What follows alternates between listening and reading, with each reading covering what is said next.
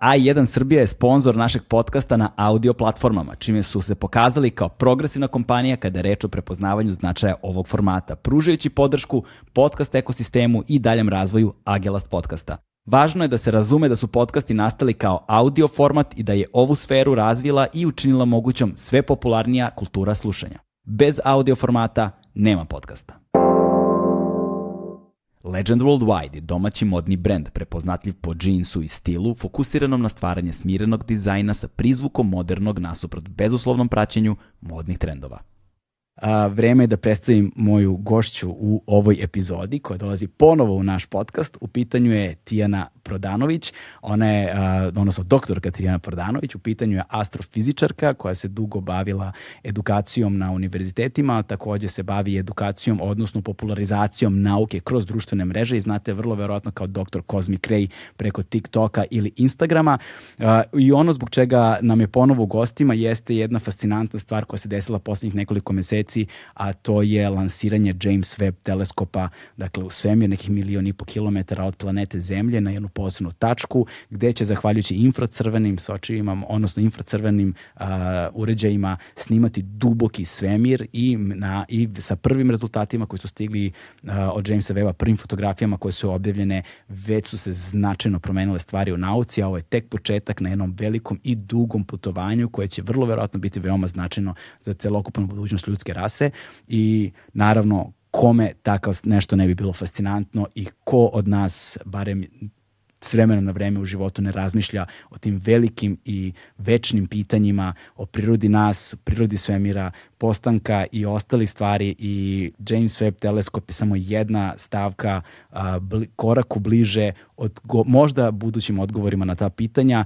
a Tijana i ja ćemo u ovoj epizodi razgovarati baš o tome. Tijana Prodanović je naša sledeća gošća. Uživajte.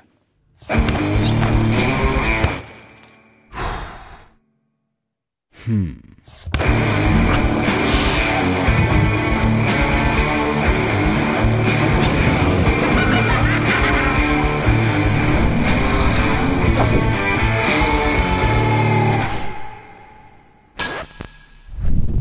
Sad mi pričamo o serijama, da. ovaj, ali nema veze, možemo da nastavimo. Može, može.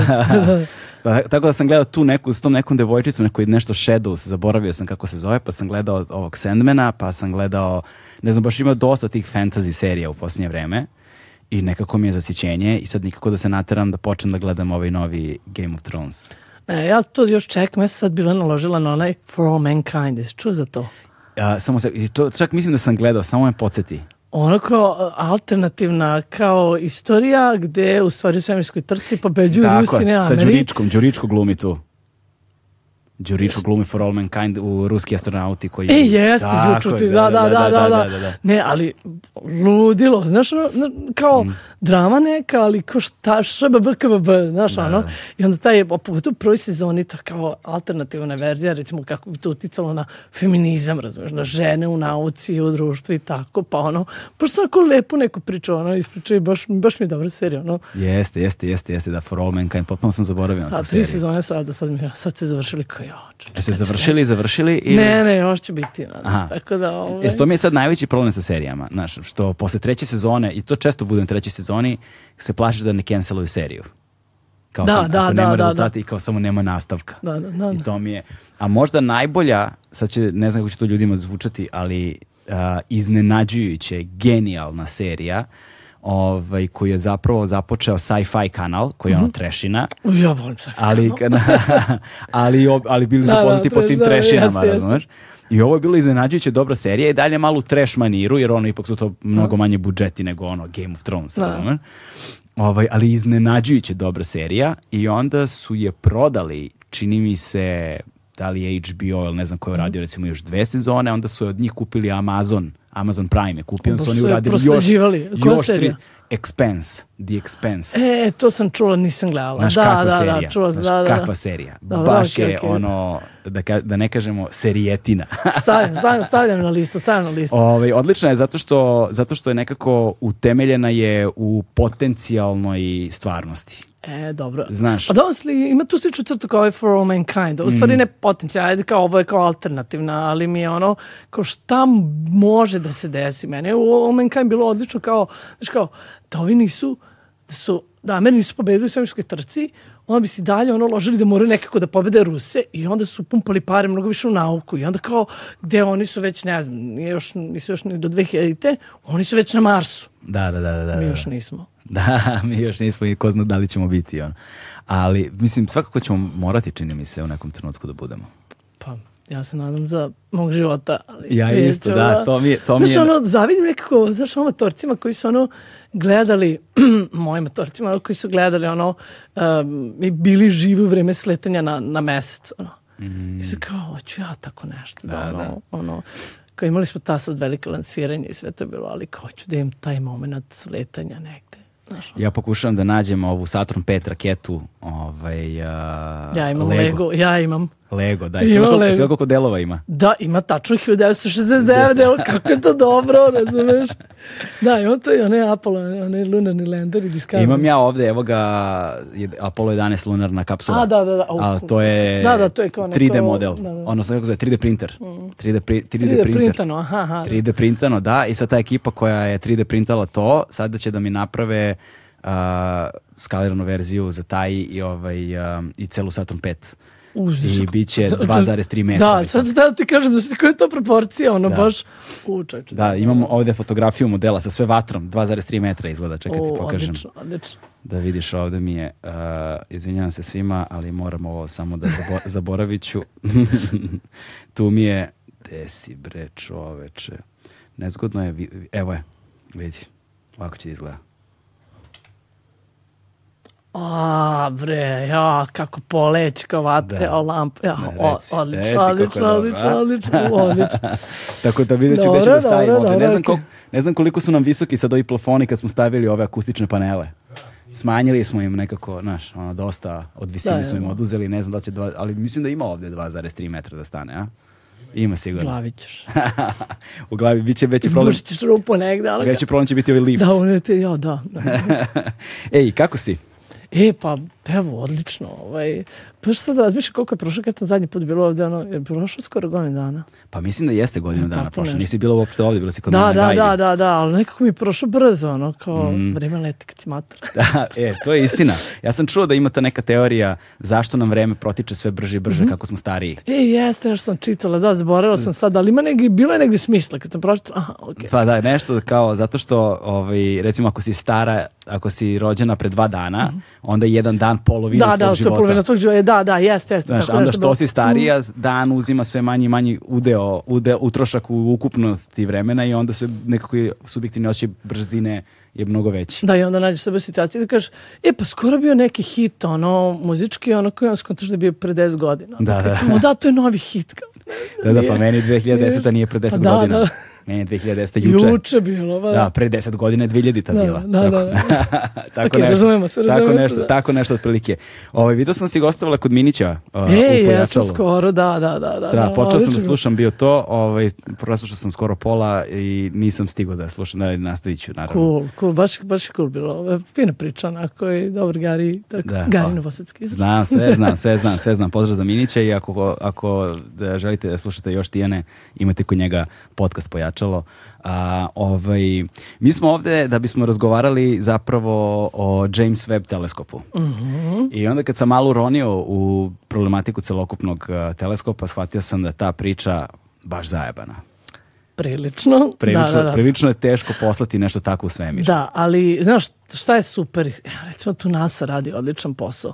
Kako, znaš, ono koriste sve to i jako dobro rade taj science communication i taj, taj press da ovaj, prosto ponovo sad ljudi pričaju o nauci, ponovo ljudi pričaju o svemiru, ono, ok, ja sam ja u mom bablu kad gledam moje feedove svuda, mm. imam puno astronomija, ali znaš, ono, random ljudi onako dođe, a kakav je to teleskop, šta ste sad tu nešto uradili, tako da super, baš se priča o tome, ono, sad svi su čuli za ono James Webb, kao što je danas, ono, ono Hubble teleskop, ono household name, svi, svi znamo za ono Hubble, mm. ovaj, James Webb će doći dotle, mislim, mnogo brže, da, da postane tako ono prepoznatljivo, ima, aha, da, da imate neki teleskop, ono kao super nešto. Da, nekako smo se ovaj, komodifikovali previše kada su te stvari u pitanju i, i meni se čini, dobro, malo jeste bubble s tvoje strane, ali vidim da kada je, da je James Webb uh, lansiranje teleskopa zapravo jeste bilo onako malo ovaj, vidljivije nego što su inače stvari iz te oblasti, ovaj, baš u tom periodu kada je bila priprema lansiranja, samo lansiranje i posebno što je bio live feed, je prenošenje da, lansiranja jest. nekoliko dana, koliko to trajalo, 5-6 dana je trajalo. Da, da, da, jeste, sve te pripreme, smo imali čitav event pre toga nešto bilo, ali radi to nas već neko vreme, ispratili mm. smo bili onaj Perseverance rover koji je bio lansiran, da, da, da. ono za Mars to isto bio big deal, baš puno ljudi gledalo. Tako da ra, radi NASA redovno te live prenose, ali znaš, ono, kad se ljudi zakače na ovo, baš je dosta ljudi gledali, da, baš da. je bio big deal, jer je puno bilo što se kaže stake, ono, baš, mm. ovaj. Ali čini mi se negde da ipak nisu uspeli da dosegnu komercijalnu vrednost ono od toga kako kad je Elon Musk, ne znam, slao automobil u svemir, znaš? Da, dobro, ok, on zna da ishajpuje stvari. Mislim, A to, to, jel, to. to s tim automobilom, to je ludo. Mislim, ok, zašto radi, zašto samo se može? A, znaš što meni glavi sve vreme bilo? Če, zamisli nekad ono, to, to se negde tamo u svemiru i neki vanzemaljci to presretnu. Da. Kao ne znam šta. Na, vide neke artefakti iz ono, kao, daš nešto arheolozima. I kao pokušavaju cijelu život da provale šta će tome točkovi. Da, da, da. Ono da, svemiru, da, znaš, da, da. kao, čeče, kakav curveball je bacio ono nekim eventualno vazemaćima koji bi to našli. Ono. Da, to je To mi je smešno, kao baš mi ono... Meni je, meni je fascinantnije zapravo kada u tom kontaktu, kada razmišljam na taj način ovaj, uh, Voyager, uh, Voyager 1. Da, da, da, da, dok su došli. Da, dok, znači Voyager 1 je prva, ono, prvi, prva stvar koju je napravio Nap, ljudsko biće, da, da. da je napustila sunčev sistem. sistem. suštinski, da. Što je ludilo potpuno. Da, da, da, da. Znači, i uvijek kad razmišljamo Voyageru, uvek se setim ono i Sagana i uvek mm. se setim ono Pale Blue Dot. Da, da, da. Nego što bi volio, recimo to je poster koji bih volao da imam, ali veoma je teško, da, ali veoma je teško naći dovoljno yes. jaku rezoluciju mm, da mm. veliki poster takav ta, dobro izgleda. Da, da, da, to jeste, to jeste. Da. Ali, znaš, ali opet kad pogledaš, znaš, koja je skala svemira, kao to jeste nešto što je najdalje otišlo, napustilo mm. sunčev sistem, ali, znaš, prve komšije su na četiri svetlosne godine daleko. Znaš, mislim, ti se tu imaš još jako puno, ovaj, mislim, to, to je bukvalno izašao iz... Znaš, ti onako, otvorili smo vrata od stana i sad stali smo tu na, na, na ta vrata. Otprilike tu je Voyager, kad gledaš gde smo, znaš, još da. se mako nigde, ali opet je to nevjerovatno koliko je to već godine i dok je došao i opet svašta se i tu saznaje novo, tako da... Četiri svetlosne godine, znači, ako se svetlost kreće brzinom 300.000 km u sekundi, no. Da. koliko kilometara svetlost preće za godinu dana? Izračune 300.000 čekajte, wow, ne mogu da izračunam ja to. Puno, puno, mislim, suštinski, pozoveš ih sad tamo, oni se jave za četiri godine. Da, da. A ti skontaš da su se javili za osam godina. Da, da, da, da, da, da, da, da, da, da, da, mislim, to ti je ono... To je ta komunikacija neverovatna. Tako da, ovaj, ono što je meni zapravo najfascinantnije kod uh, James Webb teleskopa, mm. ne sama činjenica, pričat ćemo sad o tome, uh, koliko je dugo traja taj projekat, koliko je NASA umalo bankrotirala zbog tog projekta, kako su ga nazivali ono najgorom investicijom u istoriji NASA, ono više puta je se od njega odustajalo mm. zbog pro, prosto prirode problematike proizvodnje, pa onda lansiranja i samog rasklapanja mm. tih svih pokretnih delova i tih predvidivih, nepredvidivih, kako ih oni zovu u, ovaj, u nasi. odnosno kako ih oni zovu, determinisani i nedeterminisani objekti. No. Da. Jer to kao kad šalješ čvrst objekat, koji nema mogućnost nikakvog, mm. to je, relativ, re, kako je relativno lako. O, da, da. Ali kada šalješ objekat koji da. ima puno pokretnih delova koji treba da se transformiše kasnije, mm. to je to je potpuno druga priroda stvari.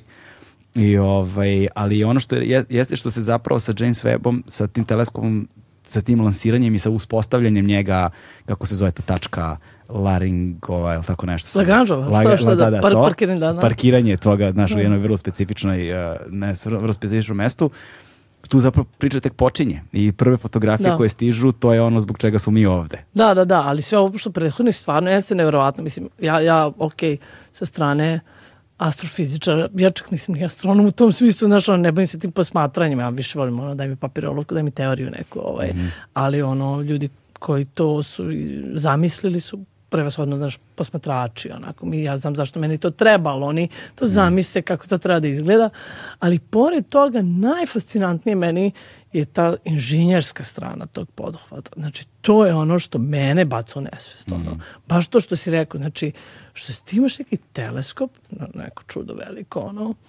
ovaj, koji ti treba da pošleš, ne, znači, ne parkiraš ga u orbitu, Ne, znači, ne, ne, nema vraćke. Nema, evo, izvinite, ovo ne radi, mogu novi da pošljem. Nema, znači imaš one shot, ono, da. jednom ga šalješ, šalješ ga da ga parkiraš tamo negde na milijun i po kilometra od zemlje, znači nema popravke, to je to. I sa, kao da samo to već nije dovoljno kompleksno, ti ga onda rasparčaš i zapakuješ koji keu. Mm. Razumeš? I pustiš ga sam da se otpakuje i složi. Na, da poravna ta ogledala na preciznost ono na do 10 nanometara, ono, ono, nanometara, ono, milijarditi diametra. Ono. Znači, i to se pustiš samo da radi. To je meni onako inženjerski neverovatno.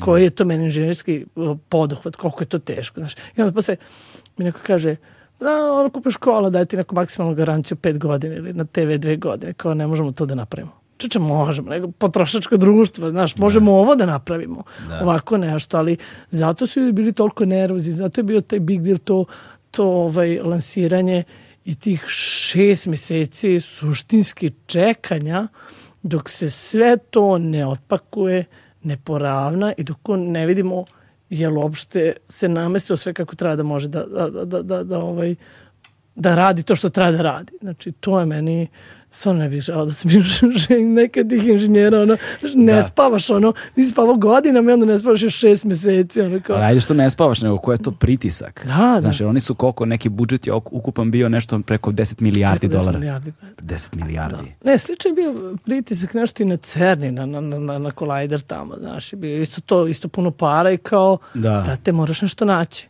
Ali to je, Ove, e sada, to je, uh, sad razmišljam gde nam je najbolje da počnemo priču zapravo o, o Jamesu Webbu, jer ja sam, evo sam kažem ti, posljednja dva dana gledao, sada je meni potpuno fascinantna taj inženjerski, taj mm. inženjerski aspekt ovaj, pravljenja tih legura, uh, te posebne neke plastike. Ja, ja kad sam video koliko su zapravo ti slojevi, ti zaštitni slojevi mm. tanki, mm. to je Znaš, to bih ja upropastio ovde kada, da, bi, da. kada bi dunuo u to. Da, da, da, ja bih malo tome da priđem. Ono, da, bukvalno, a to je na toj skali, da, ne znam da. koje su dimenzije toga, to je ogromno. Da, preček gledalo nekih 18 metara, pa ne znam, onaj suncobran, moj ne znam, 20 metara preček, pa ono, mislim, ogromno je čoveče. Da, haos, haos. Gde, uh, gde, gde misliš da nam je najbolja početna tačka pa, pričamo o njemu? Pa, oko 10 milijardi. Znaš, to, je ono prvo što me svi pitaju, znaš, kao, ko, ko možda ne kapira to, kao, znači, mm čuč, čemu, ono, ljudi gladuju ovo bolesti, ono kao šta ste vi upucali 10 milijardi da pošete nešto negde, mm.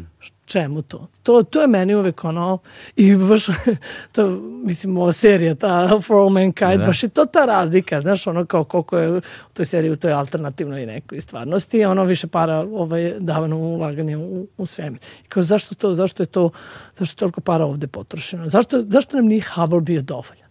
E, znači, to, zašto? mislim da je to, to, to glavno pitanje. I kao, za nismo bolje mogli da uložimo te pare. Pa naravno da smo mogli, ti uvek možeš da prosto odlučiš da ćeš da daš, ne znam, cancer research, nešto. Naravno imaš dovoljno problema ko, koje treba da rešavaš. Ali ono što je, što, šta mislim da tera ljude najviše, da prave najveće iskorake, da pokušavaju da reše nemoguće. Znaš, da postave te neke ciljeve koji su stvarno jako da izgledati prosto nemoguće. Mislim, znaš, ko 60-ih, ono kad su, ko ćemo sletimo na mesec čoveče, ono, kontam da što inženjeri svi u, panicu, paniku upali, ono, i svi, ono, fizičari, ono, kao. Ali, ok, to ti kaže, ok, hoćemo nešto da postignemo i kao, aj sad kako to da rešimo? Hoćemo da postignemo teleskop na milion i po kilometra od zemlje. Samo da objasnimo ljudima šta znači milion i po kilometara. Mislim da je važno da negde Dobro. skaliraju to u glavi. Da, ok, sunce je na 150 miliona kilometara od nas, prilično daleko. Znači, ovaj, znači stoti deo rastojanja od sunca otprilike. Znači to nije, mesec nam je na koliko na 300.000 km. Hmm. Znači ovo ti je negde pet puta ovaj, dalje, tako? A1 je prvi prijatelj audio izdanja Agelast podcasta. To je, da, da, znači, znači, a Hubble se nalazi... Hubble je u orbiti. U orbiti, u orbiti to, znači, da, da, da, to ste kod kuće. znači, toliko da smo mogli da ga popravljaju, razumeš? Znači, tako da, M što je tehnologija značajno bolja da. od Hubble-a, da. M što nema zagađenja ovaj, koje, koje, koje Hubble ima i onda je fotografija. Da, da, da. Za, mislim, zašto bi bilo bitno uopšte, ajde, pričat ćemo i o tome, ali ovaj, zašto bi bilo bitno uopšte tamo da ga, tamo da ga pošalju, snima to infracrveno svetlo, ali ovaj kažem ajde samo da se vratim na, na, na, na te troškove otprilike ta cena stvarno je bila 10 milijardi oni su ga planirali od 90 znači Hubble je lansiran 90 i tad se već gledalo ok šta imamo sledeće? 90 je lansiran Hubble tako da što sam ja mislio to ranije Pa, Nemam to je dosta rano. da, je, da, nije, da, 90. nije pre 20 godina. Da, da, prošlo je dosta od tada. Znaš.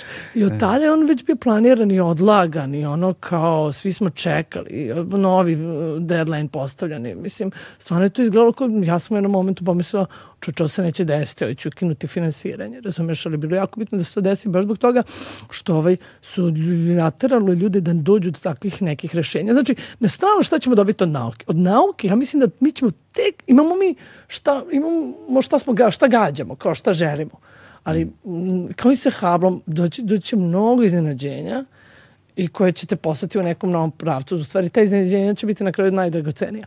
Ali ono što znamo sigurno je, ok, da te pare sigurno neće biti bačene u tom smislu što sve te tehnologije koje su ljudi morali da, da, da razviju, sva ta rešenja koje su morali da nađu, da bi to da bi postavili tako nešto kompleksno, da se samo razmota, da se sklopi, razmota svemir, to će naći upotrebu. Ono, najbanalniji primer Brate, kad staviš tamo top shop da gledaš, svaka druga je uh, pravljena po nasilnoj tehnologiji. Mm. Zato što, znaš, ti u astronomiji ne vidiš odmah kao korist za čovečanstvo, osim želje za znanjem, da znaš odakle potičeš, odakle sve potiče i tako to.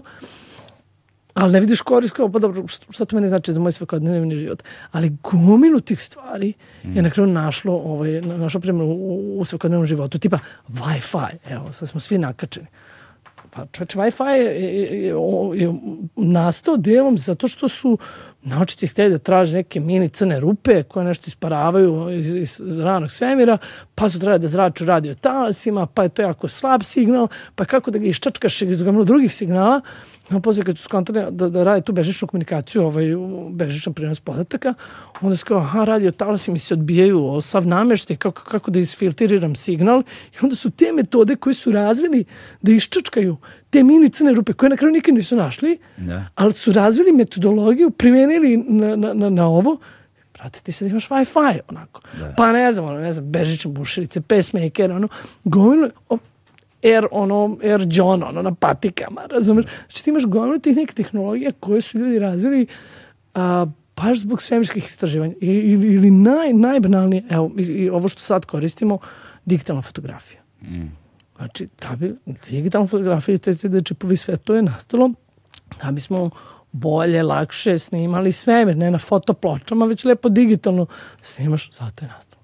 Tako da, tek ćemo da vidimo gdje će se to isplatiti, a sigurno će se isplatiti, jer kad uradiš tako nešto nevjerovatno, što je stvarno ludilo meni, znači šta su postigli s finansiranje, kako je to uspešno završilo tamo, znaš da neš moći da ga popravljaš, znači te, sve te tehnologije će jednom naći primjer u našem da, da. svakodnevnom životu. E, zato, zato mi dajemo toliko para to, zbog znanja i A s druge strane, digitalna fotografija nam je donela Instagram, no. koji nas je upropastio načisto. Tako da, znaš, nije, više, nije više pitanje toga da li će nam ta da li će, da li će nam ta naučna dostignuća pronaći ekonomsku i ono primjenu u svakodnevnom životu, da jel te tehnološku, mm. već je sad pitanje veliko toga da li smo mi spremni evoluciono da se nosimo sa tehnologijom koja nam stiže.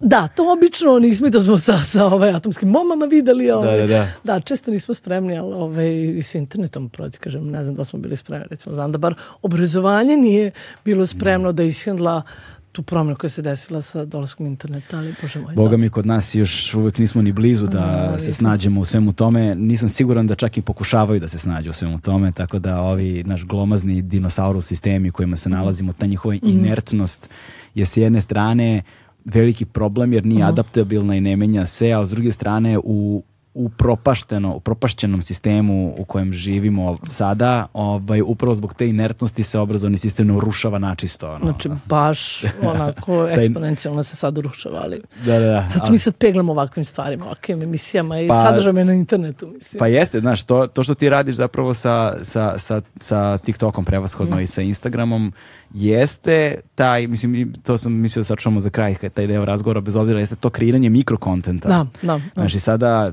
posebna je veština spakovati nešto u mikro, ovaj, a da to bude reprezentativno na bilo koji način, s jedne strane, ali ne bežanje od toga kroz ono što bismo danas nazvali mm. akademskim elitizmom je zapravo da. veliko blago. Da.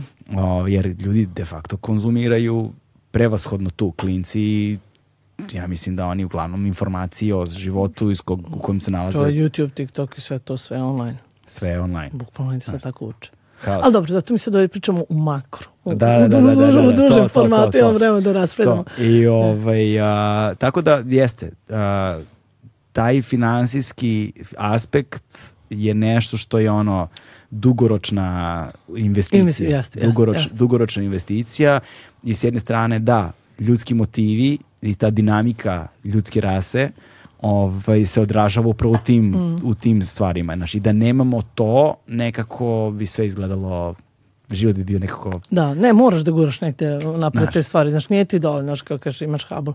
Nije dovoljno. Da. Došli smo do granice, idemo ovaj dalje. Tako Da, da, da, tako da nije, ne, ja, meni je uvek malo problematična kategorija to kada se sada jedni aspekti ljudske bede i potencijalne rešenja za to porede sa investicijama u nešto što, kao što je svemirsko Da. putovanje. Jer da, kao a, mi, potencijalna rešenja za sve ono što postoji su tu, ali ono, ljudsk, mi smo takvi kakvi smo sa svim svojim društvima i svim, svo- svom, svom istorijom i teško nam je da se uklopimo i da se razumemo i da se na mnogo je, milion jednom nivou ono, e, pozabavimo nečime što su u suštini stvari koje najobičnija prevencija može da reši.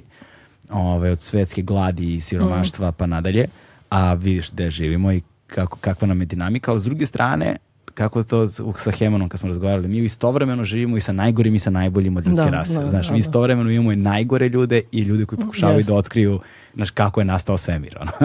Da, to je ona čuvena, ovaj, ona što mi je jako lepa rečenica iz filma Kontakti, to je A. knjiga Carl Sagana, ono, pa kad se oni sretnu tamo na planeti negde oko Vege, Jodie Fosteri koja je tamo bio glumac, pa kad kaže, vi koji ljudi ste čudno stvorenja, sposobni ste za takve užase i za takve lepote, ono, kao Da. baš, Da, jeste. E, inače, film Kontakt je možda najpodcenjeniji sci-fi film svih Jeste. vremena. I nauka njemu je prilično dobra. Mislim, ok, imaš ti one, imaš taj lipo, ono kao vanzmaljce nešto, ali sve ostalo je prilično dobro, znaš je odlično je meni. Ja taj film obožavam. ne gleda. Da. Uf, ja obožavam te film. I nevjerovatno je kako se on čak i za on je 97. godine čini mi se izišao. Jeste, jeste, jeste. Tako nešto. Čak i za, sa- za, za ono kompjuterski generisanu sliku Mm, 97. i dalje se priča drži dobro. Mm, jeste, dalje se jeste, priča jeste. drži dobro. Čekaj, Da. tu, tu je beš- Jurassic Park isto.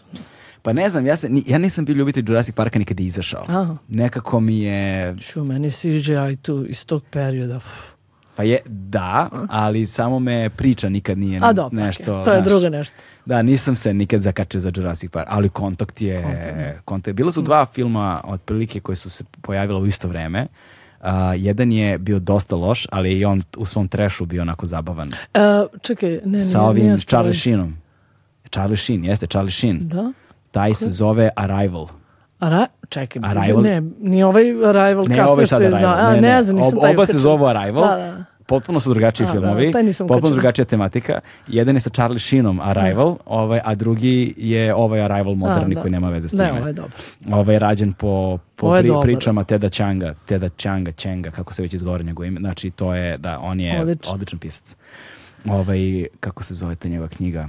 To su zbirke priča. Priče naših života, da, Stories of Our Lives. Da, da, da, da, to je, to je, to je Arrival. Da, ne, ne, me- taj ugao ko- to, tog vanzemaljskog života drugačijeg sa, strane jezika, lingvistike, mislim, fantastičan mi je to ugao bio u tom Pa filmu. on je lingvističar, u suštini, profesor da, koji da, je da, pisao. Da. Zašto nisam viđala takve, znaš, obično neka čudovišta, ne znam ni ja šta, ovo je baš bio, Mm. To, ovaj, kako to. ćemo komunicirati? Ovaj, a kontakt sa Jodie Foster, to je filmčina za sva vremena. No, da, se, Da. mi, da se mi vratimo Na teleskop. ovaj, na, na teleskop. Dakle, cena je jedna stvar. Da, Druga stvar je nauka. nauka. Nauka, da, Iz- da. I to onda kao dobro, zar vam nije dovoljna Hubble, to je ona sledeća priča. Um, ok. Šta je, šta, šta je fora bila s Hubbleom? E, U stvari, mi smo pos, posmatranja na Hubble skapirali da treba James Webb. Ok, bila je ideja nekada da tako nešto infracrveno se vidi, ali šta je bilo glavni moment? Znači, Hubble lansiran i by the way, tu je ona, ovaj, tu je ona čuvena priča kako je Hubble mogao da bude najveća greška, ona, najveći blunder, ne znam da li ste to znao. Ne. Lansirali su ga 90-ih i isto je nešto koštao nešto ludački za to vreme i kao čekamo prve slike, čekamo prve slike. Ono vraća se nešto mutno.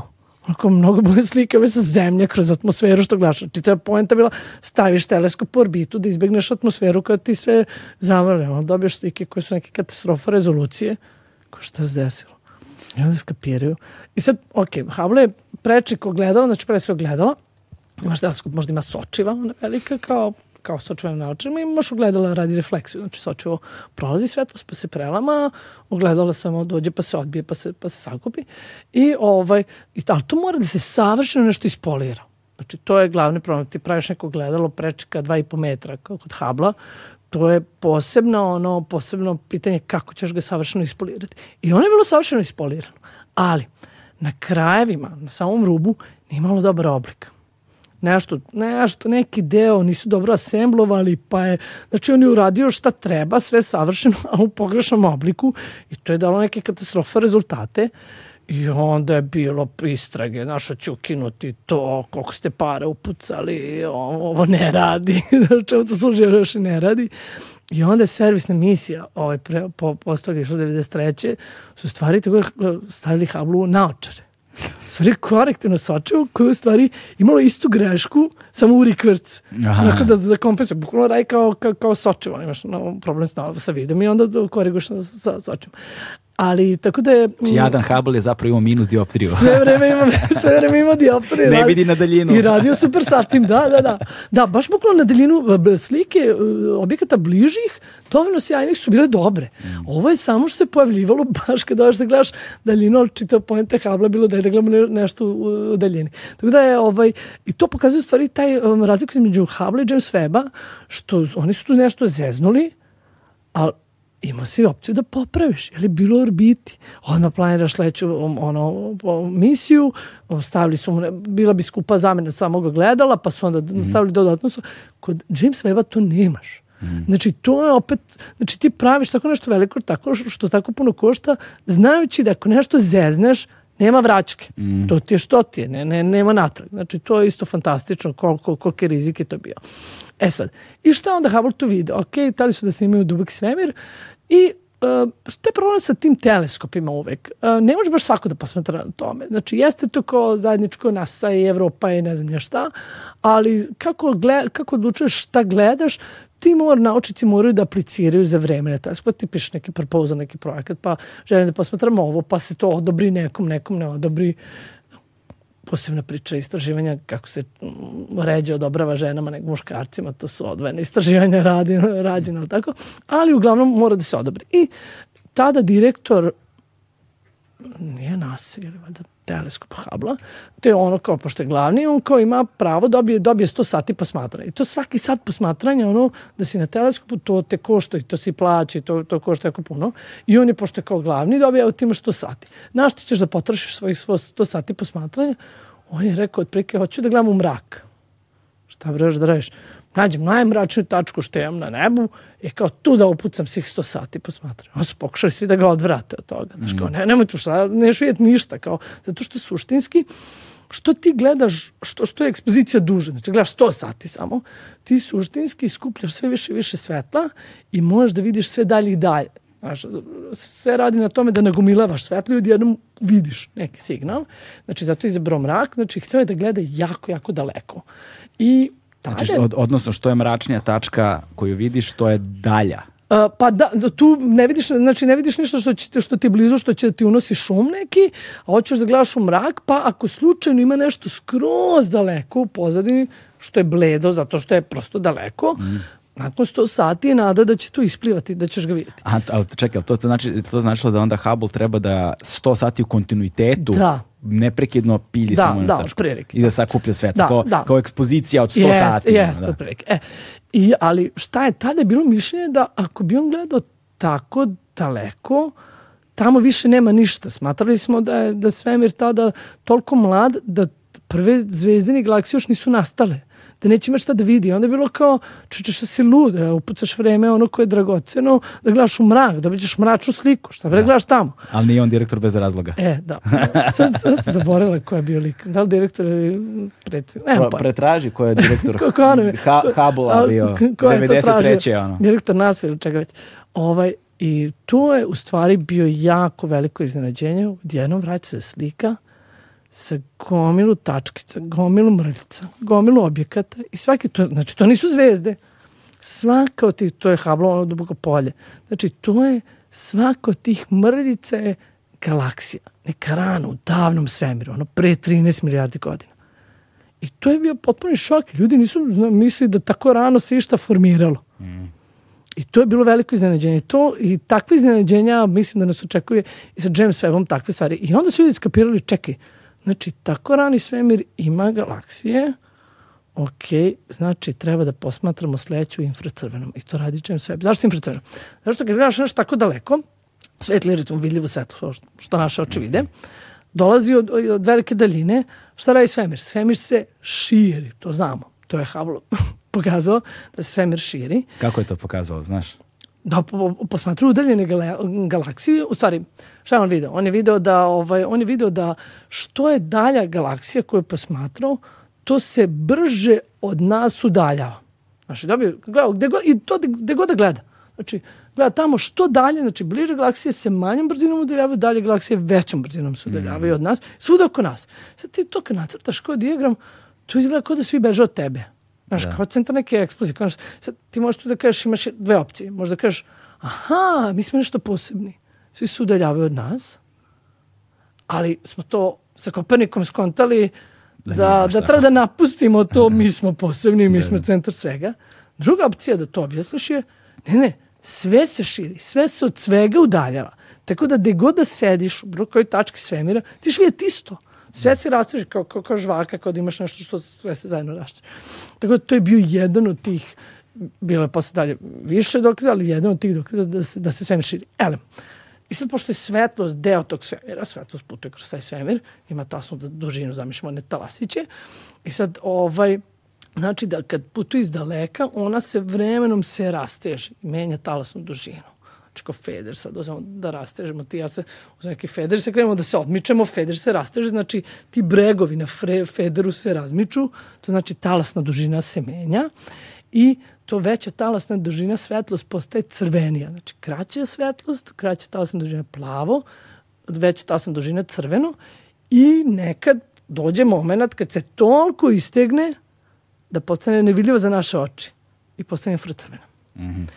I onda su stvari ljudi zato, baš zato što su skontane, ha, u stvari mi tamo da, u dalekom svemiru, onom najranijem svemiru, ono, prvih par stotine miliona godina nakon velikog praska, Hubble je pokazao tu već postoje galaksije, sve su, sve su veliko, onoga crvenih malih mrlja ono, na slici i kao možemo da vidimo još više ako bismo posmatrali infracrvenom, zato što su sve one, one jesu sijale nešto da smo tamo, to bi videli. Mm. A pošto ta svetlost sad putuje već IHH, ta gomila te svetlosti je postala infracrvena, postala nevidljivo za, za, za naše oči. Sad, je, je, sad jedna upadica malo da e. da napravim možda paralelu. Sad ne znam da li ovo ima smisla, ali dok si pričala o tome a, a, kako se svetlost da promenja sa tom distancom, a, u stvari da li je sličan princip a, mada tu čini mi se da atmosfera igra veću ulogu, a, zašto se menjaju boje u zalasku sunca?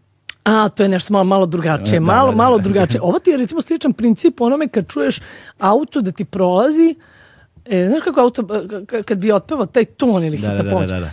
I, znači, to je druga visina tona i znači talas, zvučni talas ide se sabija da, i onda se rasteže. E, to, to, to je slično to kad se, kad se nešto kreće. A ovaj zalazak sunca, to je, e, stvari postaju crvenije zato što se upija puno uh, svetlosti svih boja. Znači, svetlo su, sunca, da. je, su pomešane sve boje, kao kad vidimo dugu, znači to je miks svih boja, kad vidimo dugu onda se one razdvoje pa ih vidimo sve lepo za, odvojeno, ali inače svetlo sa sunce, ova žuta i ona je mm. miks svih boja, žuta, bela.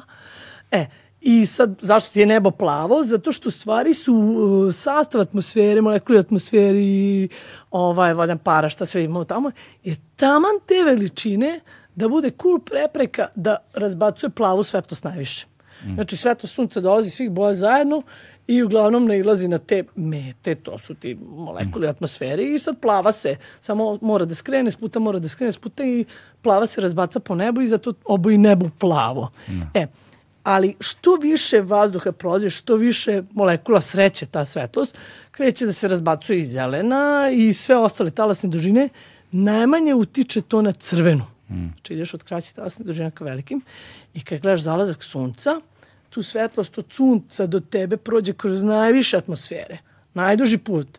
Tako da na početku se razbacala tamo plava, pa se onda razbacala zeleni, sve se razbacalo, sve, sve negde nestalo. Sve I kad je na samom horizontu? Onda ti jedino što ti preostane, što je još preživelo, što se nije skrenulo s puta je crvena. Da. I zato jeste crvena ovaj boja, tako da Eto. Tako da, tako da svako jutro i svako veče da. možeš da prisustvuješ takvom jednom fenomenu. Da, ali ovo je, da, ovaj, drugi razlog pocrvenja, ali recimo i to i, i ovo, kao slično kao zalazak sunca, i to je to crvenjenje koje vidimo u svemiru, zašto svetlost prolazi kroz prašinu, postaje crvenija, ali jedan razlog što postaje crvenije je zato što se isteže bukvalno mm -hmm. ta mhm. talasna dužina i u nekom momentu postaje nevidljiva za naše oči, tako da je zato James Webb napravljen sa tom idejom da najviše snima, kad kažu ljudi James Webb je naslednik Habla, u samo u tom smislu što je sad najveći teleskop u svemiru, ali posmatra drugi deo. Znači, Hubble je video mahom vidljivu svetosko naše oči, video je malo infracrvene i malo ultraljubičasto. To je ono kad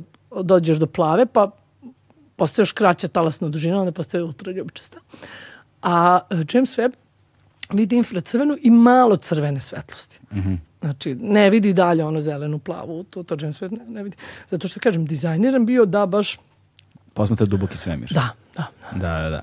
E sad, to je razlika uh, i, onda kada, i onda kada uzmeš uh, te osnovne elemente koji razlikuju Hubble, dakle, to je kao, to je kao Hubble 2.0. Da, da, da. Pa, I, da, ono, da, 3.0 da, da. u odnosu zapravo na Hubble, jer prva stvar, uh, udaljeniji je značajno. Uh mhm. -huh. Što znači da je slika značajno bolja, već u startu. Čak kada bi, čak kada bi isti taj teleskop bio Hubble, samo smešten mm. milion i po kilometara, druga, bolju bi sliku dobio, verovatno. Do, donekle, razlog zašto je ovaj mora da bude toliko udaljen je zato što, ok, šta je problem? Zato što je kod zemlje toplo. Mm. Ok, nije, hivi, nije milion i po kilometara puno da se ti udaljiš od sunca, da ti je nešto hladni. Problem je što, uh, uh, š, ok, Mi sad ne vidimo infracrvenu svetlost ovde u prostoriji, osim ako imate daljinski, pa pogledate kroz neku digitalnu kameru. Ali ovaj, mi svi sijamo, kad sad bi stavili infracrvene naočare, mi svi bismo sijali. Znači, svi objekti, sve što ima neku temperaturu, mm. sto, papir, šta god, ono, sve sija najviše infracrvenu svetlost i to vidimo kad stavimo one infracrvene naočare. Kad stvari postanu baš jako, jako tople, onda počnu da sijaju vidljive svetlosti. Ono kad imaš usijanje, kad usijaš neki metal, pa on je ne sija, onda ga zagraš, zagraš odjednom počne sija crveno, pa počne sija belo, pa počne sija plavo. To su ta razna da, da. usijanja, što, što, što je topli. Ali, ono, objekti na ovoj svakodnevnoj temperaturi mahom ne, mahom, mahom ne svetle, ali i dalje sijaju, ali infracrveno, znači, zato što prosto sijaju nešto što, što ne, naše oči ne vide. E, tako da i zemlja i mesec, iako ne siju kao zvezde, mm. tako zvezda sija, sija vidu svetlost, ali oni siju u infracrvenom, imaju neku svoju temperaturu. I onda ti sad dođeš da snimaš nešto što je infracrveno, a tu ti je zemlja i tu ti je mesec koji ko Las Vegas šljaštaju infracrvenom i tu ti ubacuju taj šum i dodatno ti zagrevaju teleskop. Zato je za, za James Webb bilo bitno da ga parkiraju, da ga odmaknu od zemlje mm. i od meseca, jer oni u stvari unose tu taj dodatan, dodatan problem. Kažem, kod Habla nije to toliko bio problem, se njima vidljivo, mm. mada opet i tu imaš razne zagađenja, da. ali tako da definitivno distanca bi pomogla i Hubble, ali za, za James Webb bi baš bila ključna, baš zato što snima infracrveno da bude dalje. Da e sad, ono što je tu zanimljivo, što navodi nas automatski, jeste to mesto gde su ga parkirali. A, da, da, da. Kako fizika taška. tu funkcioniše, da, da, da. molim te? Da, pa to, uh, to je, znači, ok. Uh, Vrlo specifično imaš... parking mesto.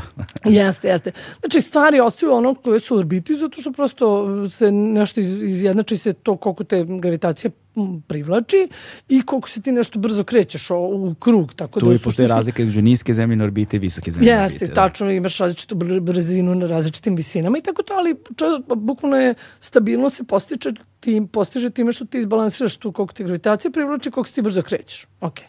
Što znači e. prevodu, ukoliko se dovoljno brzo krećeš, uh, odnosno pardon, ukoliko se krećeš tačno određenom brzinom, znači ukoliko se krećeš sporije od te brzine, gravitacija će te povući yes, nazad. Yes. Ukoliko se krećeš više od te brzine, većom brzinom od te, onda ćeš iz, kao praćka izleteti iz, gra, iz, iz tog gravitacijnog Da, ako polja. ideš iznad te neke kritične brzine, pravit ćeš sve veću i veću orbitu, u jednom momentu će prosto otići po tangenti i izletit ćeš prosto nećeš biti više gravitacijno vezan za zemlju. Da. To je ono kad e, to. je to druga I, kosmička brzina. Tako, e, i onda zapravo kretanje tačno određenom brzinom u odnosu na gravitaciju ovaj, čini da se nalaziš stabilno u orbiti. Jeste, jeste. E sad. E sa Jamesom Webbom to nije slučaj. Uh, to je malo drugačiji slučaj. Zašto? Zato što, ali opet se sve vodi na, svodi na tu igru između gravita, borba između gravitacije i tvog kretanja. Znači, negde postižeš stabilnost. Um, šta se da, znači, imamo kad gledamo Znači, kad se blizu zemlje, na vas najviše utiče samo zemlja, ali u suštini u svemiru postoji druga tela, postoji sunce, postoji mesec, postoji druge planete. I svi oni nas malo gravitacijono vuku. Okay. Plime, plime i oseka yes, dokaz, yes. E, i postoje kad izračunate to gde ko koga vuče, nekad se ta, ta vučenja malo iskombinu izjednače sa nekim, sa tvojim kretim, sa nekim drugim ovaj, vučenjima na drugu stranu i onda kad izmapiraš oko prostora, oko planete Zemlje, izbalansiraš sve te gravitacije, dobiš pet nekih tačaka, Lagranževe tačke, gde u suštini su te neke stvari izbalansirane. Znači, jedno te vuče na jednu stranu, drugo te vuče na drugu stranu i suštinski ti si ti onda mi miran. Da. A Lagrange je vjerojatno bio naučnik koji je to provalio. Da, da. I sad neke od tih su manje stabilne, neke više stabilne, neke su bliže suncu, neke su dalje od sunca, dve su nešto bočno. Ovo je takzvana L2, druga Lagrangeova tačka, ona je na suprotnoj strani od sunca i tu, to je negde mesto, znači što ti dalje ideš u suštinski od sunca, i, i sve planete, ti u suštini treba sporije, da imaš stabilnu orbitu, ti se sporije krećeš oko, sporije krećeš oko sunca. To u prevodu znači da bismo mi trčali brž zemlja, znači da sad gledaš nezavisno da, da ide, da ide ovaj, ovaj James Webb teleskop koji je udaljeniji od nas i mi da idemo oko, oko sunca, on treba da ide sporije nego mi, mi bismo trčali napred i on, mi bismo mu pobegli negde. Da. Okay. Ali, pošto na tom tačnom mestu se dodatno iskombinuje to što, ga, što njega vuče malo, malo zemlje, malo ga vuče sunce, onda ga oni malo usporavaju, tako da je to ono sweet spot, što bi se reklo, gde on u stvari ne ide brže od nas, već je tačno u sinku sa zemljom. Da, da, da. da. Ide, tačno prati nas. Tako da, ovaj, i tu, se, tu možda dobiješ stabilno da parkiraš nešto da, da, da ti ne pobegne putuje tačno sa nama i malo se stavlja da se kreće samo ne, oko te idealne tačke, samo samo pravi orbiticu oko te tačke na ono milion i po kilometara od zemlje. Znači, to su ono matematičke, ono, u stvari fizičke, znaš, to ti je ovaj, kad se slože nekad sva dejstva, imaš ta neka specijalna mesta gde su stvari stabilne. Ali koliko je kompleksna jednačina da se to izračuna? Da, da, da. da. Mislim, generalno gravitacija, čim imaš problem, ono, tri tela, ono, to je već ovaj, ludilo. Tako da, ovaj, ali znamo za te Lagranžne tačke i ono se ispostavilo Koliko mi je trebalo jednačinu samo da reše ono za to? Nemam pojma, brate. Znaš, ali to bi bilo zanimljivo vidjeti. Volio bih da. da vidim tu jednačinu. Da. Znači, na koliko strana je ta jednačina? Sad to sve mahom američki radimo, ali dobro. Znam, da, ovaj, znam, ali kada bi se ona pretvorila ono, da. u, u, kada bi se pretvorilo ono pisanje rukom, ta jednačina koju kompjuteri da. rade, to bi bile knjige. Da, te, za, te orbite, da. Da, da, to je potpuno. I ono, što, da, i ono, da. što, i ono što je takođe zanimljivo, koliko sam primetio, ovaj, čitajući o, o teleskopu, uh, jeste da je tačka broj 2 izabrana između ostalog i zbog toga što je tu, pod znacima navoda, najhladnije. Da, to je ta koja je najudaljenija, znači, mm. znači želiš uvek da ti bude što hladnije, znači ne, nećeš ga, imaš tačke i bliže suncu, nećemo bliže sunce, hoćemo što dalje, zato što jako, jako bitno, baš to što sam rekla, znači svaki ovaj objekat mm. ima neku temperaturu i on sije infracrvenog, sam teleskop sije infracrvenog, znači ti još da snimaš infracrvenom, a ti sam zračiš, znači sam teleskop zrači, zato recimo, između ostalog, nisu mogli odmah, znači on je lansiran na, na Božić katolički prošle godine, znači 25. decembar ono, 2021. I sad, ok, trebalo vremena da on dođe tamo, da se parkira, da se ko origami otpakuje tamo, Ikea složi, mm -hmm. da mu se poravnaju svih tih njegovih, on je sastavljen sa 18 gledalo, 18 delova. Ovaj, Koji izgleda kao onako saće. Da, da, kao saće, da, da. Dugo se već tako teleskopi pravi i na zemlji, zašto ti je teško iz jednog komada da napraviš toliko veliko gledalo. Da. Znači on je, ne znam, prečnika, šest, šest i po metara, znači površina ima kvadratno neki 25 kvadrata otprilike, koja je soba to, toliko velike, ali e, sastavljeni segmenta koji su, ne znam, metar i po, ovaj, metar i po prečak. Ovaj, tako da, trebalo mu vremena da se raspa, raspakuje, ali mu je trebalo vremena i da se ohladi.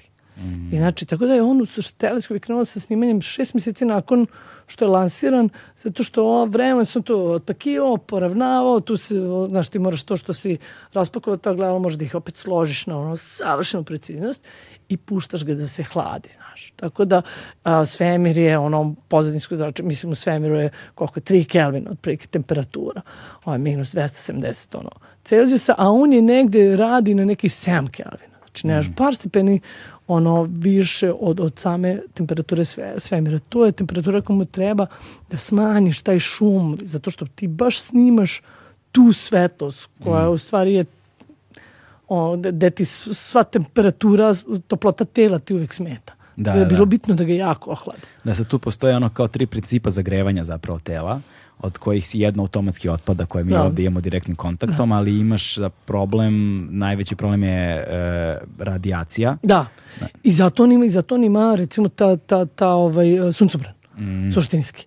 Zašto do, dobio od sunca, znači hoće da gleda, znači uvek gledaš tamo u mrak, gledaš dalje od sunca, tamo ti izvor svetlosti i on je tamo uperen i iza sebe ima a, taj veliki suncobran kao neki sun shield prečika neki 20 metara da bukvalno se zaštiti od Ali je zanimljivo kako se, oni, kako, kako se on u slojevima oslobađa zapravo te toplote.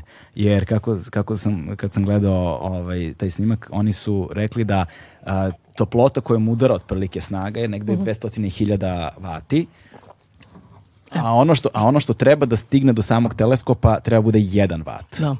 Znači oni treba da oslobode ono 199,199.999 da. vati treba da oslobode da ovaj pri udaru mm. i to ima i to rade kroz pet ili šest ovih Slojeve. ne znam, slo, da, da, slojeva. Da, da i kako to i, i koji su to sad slojevi, to je ono što je meni fascinantno između ostalog, znaš kao, dakle, a, ti kad provališ, ja kad sam video da je debljina, prvi je recimo najdeblji sloj, on je 0,5 mm.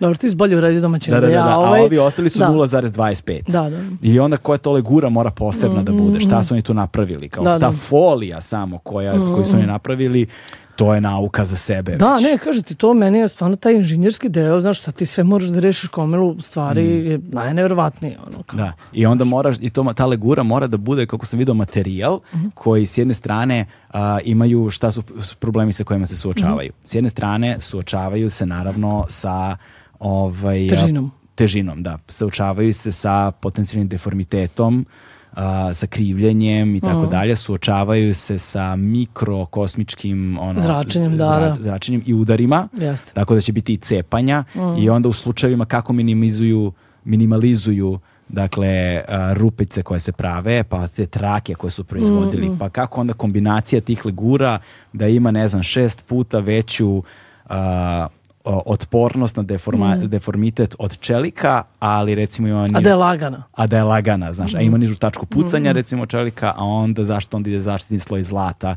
pa onda izgleda bukvalno kao... Da, da, da, da. To, to, je, to je zanimljiva ta ideja što otprilike su premazali to gledalo sa zlatom, sa neki 40 nešto grama zlata, to je ko, ko kliker, ono, veličina mm. zlata, zato što zlato je najbolje refleksivno za infracrveno zračenje, znači želiš to je fora, znaš, ti uvek imaš refleksiju odbijanja, tako radi se ogledalo, delom nešto upiješ, a delom se odbije. E sad, mm. pošto je svaki foton, to je astronomija, svaki taj zračak svetlosti je nama dragocen, želimo bre što više da se odbije, neću ništa da se upije, mm. tako da su zato birali taj materijal da bude zlato, jer najbolje reflektuje tu infracrvenu svetlost. Ali su onda pravili te legure od šta se već uradio da, da, da, da, da, od berelium i onda su I onda su objašnjavali, kaže, ovaj, šta im je zapravo najveći problem bio u rasklapanju samog, sa, samih tih, uh, tih os, emogledala, samog koje treba, ali i tih, um, za, za tih suncobrana zaštitnih uh mhm, -huh, mhm, slojeva, uh -huh. zaštitnih slojeva koji su ključni, ovaj, a koji su ogromni zapravo, uh mhm, -huh. značajno veći od gledala, zato izgleda kao suncobran, kao satelit neki ovaj, jeste, jeste, jeste to što kaže, to su, to su baš lepo ono objasnili vizualno. Kaže, zategni pertlu ili kanap.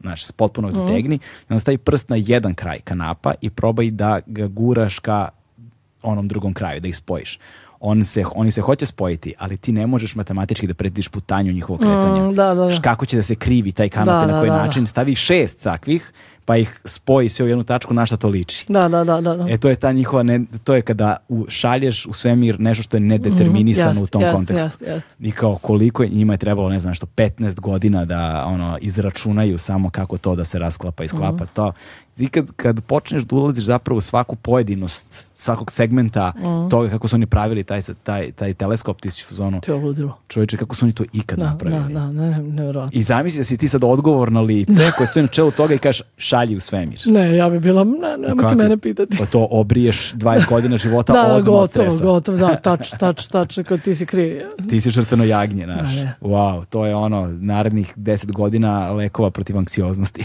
e, ali dobro, prošlo se dobro. Jeste, jeste. Bilo je stres, sekundom njima je sad laknulo sa na naučnicima i naucima. Mm, mm. I, ovaj, I, dakle, to smo rekli, prva stvar je ta tačka u koja se mm, razlikuje u odnosu na Hubble. Mm. Druga stvar koja se razlikuje u odnosu na Hubble jeste što je on samo infracrveni. Mm -hmm.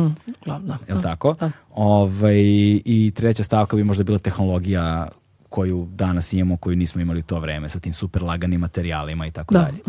I ovaj, šta je zapravo ključan zadatak, a, šta je to što treba da nam donese James Webb teleskop, što nam Hubble nije doneo? Da, pa jednu stvar smo već rekli, znači da. to je bitno da, da gleda taj rani svemir i to je nešto što ovaj, tu se već vide iznenađenja. Znači ono, a, prva, mislim da je rekorder najdalja galaksija koja je Hubbleom viđena recimo bila iz perioda kad je svemir bio 450 miliona godina star. Znači, to je pre nekih 13 zarez, ne znam, ono, 5 milijardi ovaj, godina. A, tako nešto. Ovaj, e, a ovde sada prva slika koju su objavili, znači prvi batch slika su objavili negde 12. juna, mislim, ove godine. I jednu tih snimali su jednu jatu galaksija, znači galaksije žive u jatima, u grupacijama, tu su tako su vezane, drže se zajedno. I to ja, to je, nije toliko daleko, neke 5 milijarde godina, ali šta je bilo zanimljivo? Što su pozadini tog jata našli gomilu tih crvenkastih flekica koje su se ispostavile da su neke vrlo udaljene galaksije i sad je krenula trka za, novi, za novog rekordera, za novu najudaljeniju galaksiju ikada, ikada snimljeno. Smo, smo pretpostavili da su neke, imamo kandidata da su neke ono iz perioda kada je svemir bio svega 200 miliona godina star, 250 miliona godina star, što nismo ni znali da tada mogu da se vide tako te galaksije, da tako imaju neku strukturu. I sad ima, ne znam, već ima 40 što kandidata ljudi sad već proveravaju, naravno to sve treba da se proveri, ali ono, kad gledamo ono Twitter feed moj, ono u to vreme, kad bilo, odmah su se svi bacili na analize te slike koje je izbačene, kao, ju, ovo je, ne znam, koliko udaljena galaksija, naravno sve to možeš proveriti, ali su ljudi potpuno odlepili, mislim, što je naravno ono, mm. nevrovatno da gledaš nešto isto, iz tog perioda. Mislim, zašto je to interesantno? Kažem, onda sa Hubbleom nismo ni znali da ima tada, da ćemo vidjeti tamo toliko galaksija. Sada, opet, znači već su stigle iznenađenja, naravno, naš medijima to već predstavljaju James Webb ruši teoriju velikog praska, znaš, ne ruši, velikog praska, ali dobijemo neke informacije koje, koje koje su kontradikcije sa nečim što smo ranije mislili, ali to je lepota nauke, znaš, ti Kao na primjer? Pa, recimo, vidimo mnogo više galaksije iz tog ranog svemira, znači par stotine miliona godina star svemir, okay?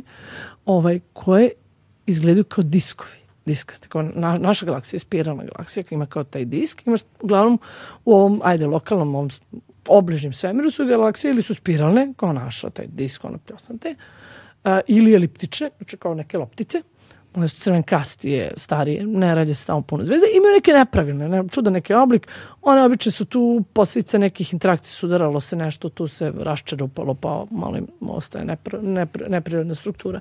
I šta smo misli, ovaj, nismo još sigurni zašto, koji oblik, kako nastaje, ali pošto je rani svemir, ono, tek su se formirale ono od tih lokalnih nekih malih zgušnjenja, tu su formirale zvezde pa galaksije, one, one su se grupisale u galaksije, pošto je sve bilo mnogo tešnje, svemir je bio mnogo manji, ovaj, smatralo se da je bilo puno sudara mm. među tim prvim galaksijama.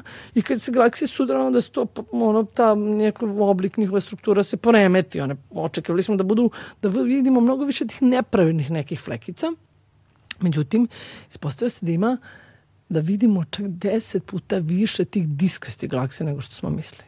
Mm. Što nismo očekivali uopšte. znači, su ono mnogo ovaj, uređenije sada. Šta, šta, šta, šta nam to sugeriše onda? To ćemo tek da vidimo, ali uh, govorimo nam nešto o tome kako su galaksije nastale, kako su se formirale, vidimo mnogo više strukture u njima. Um, vidimo isto mnogo više, recimo, šta je isto zanimljivo kod James Weba, je što a, može da meri hemijski sastav u tim galaksijama. Mm. Može da radi spektr, to mi zovemo spe, u spektroskopiji.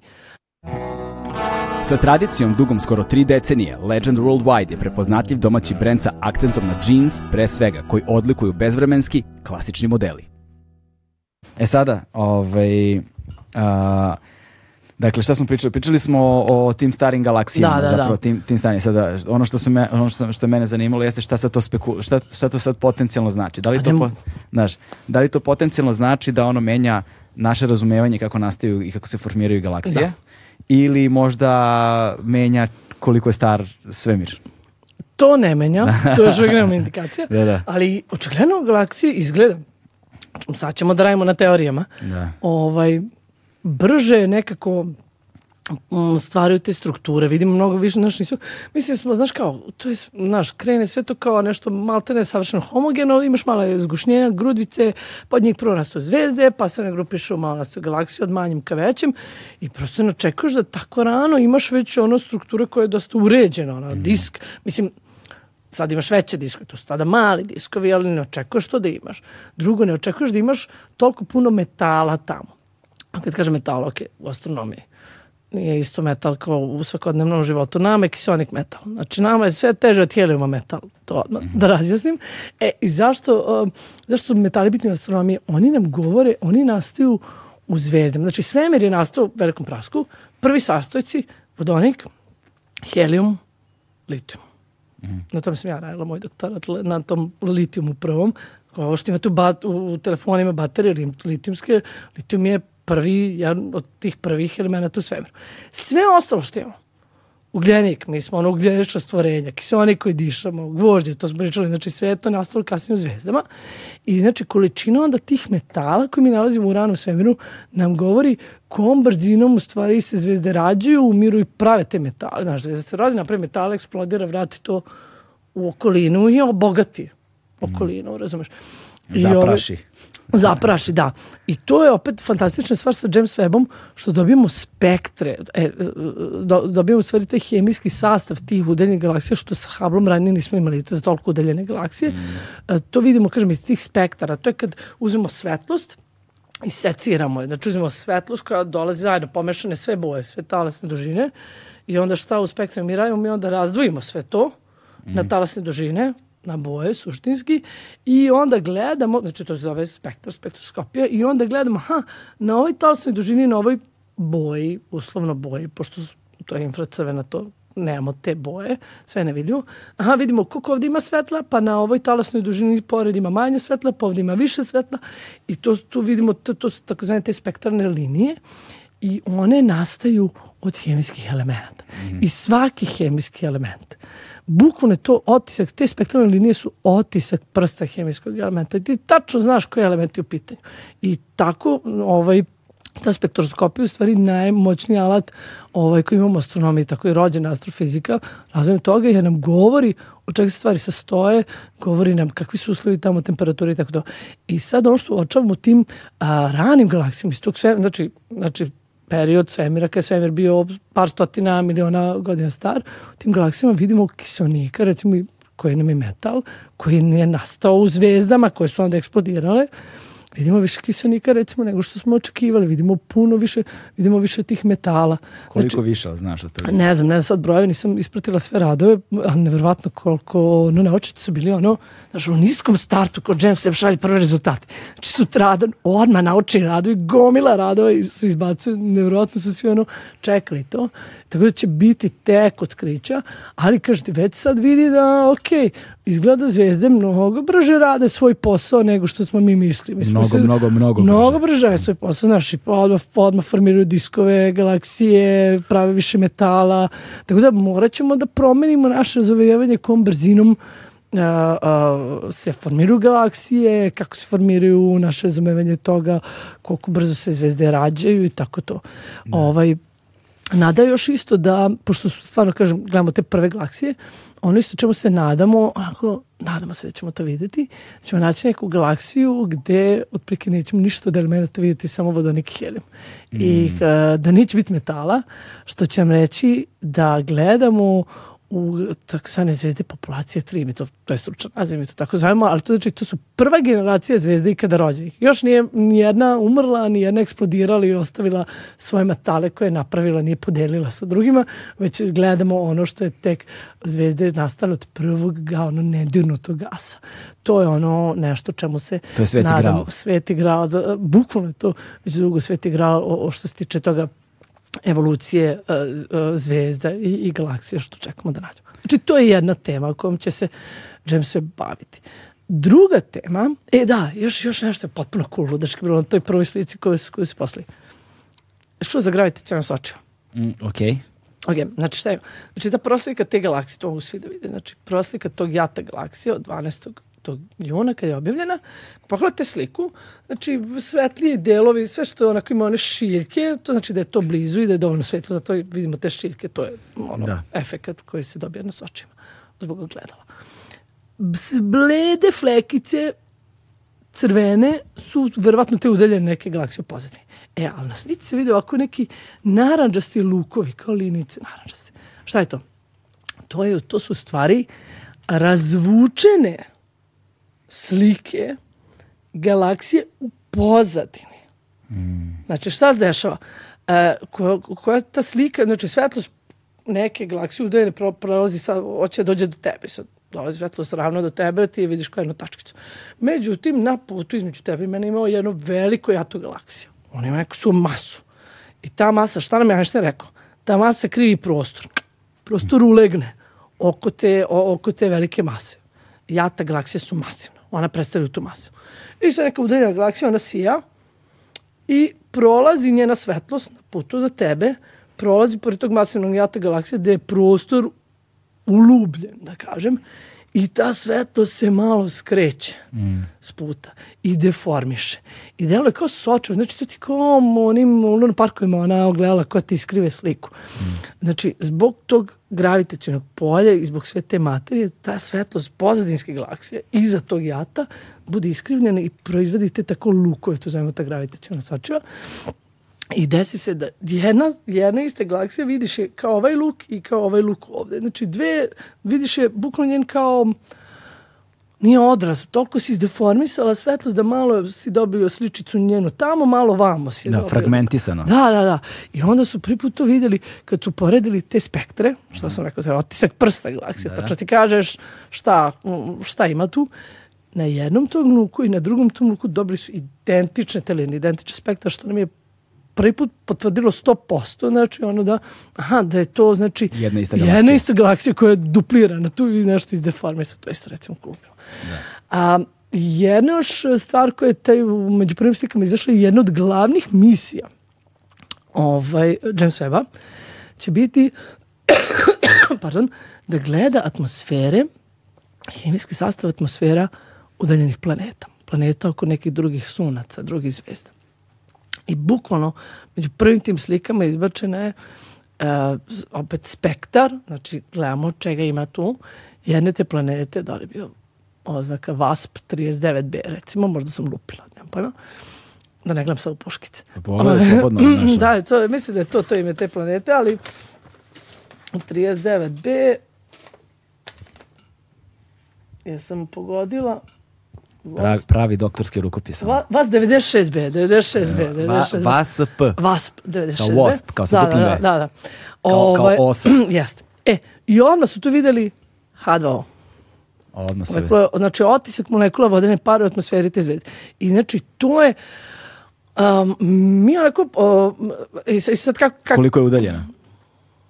Puškice. E, Čekaj, da, ja, da. kao, kao, jel, jel možemo da stignemo tamo? ne, ne, ne možemo. Mislim da je bilo nešto sedam, možda na 700 svetlosnih godina, nisam sigurna, mislim da nisam zapisala ovdje sad. Ali 700 svetlosnih godina. Recimo, mo, možda sam lupila. Ovaj, Milenijum svetlosnih godina, znaš. Znači, kako to gledamo? Pazi, ti planetu ne možda vidiš, planeta ne sija, suštinski.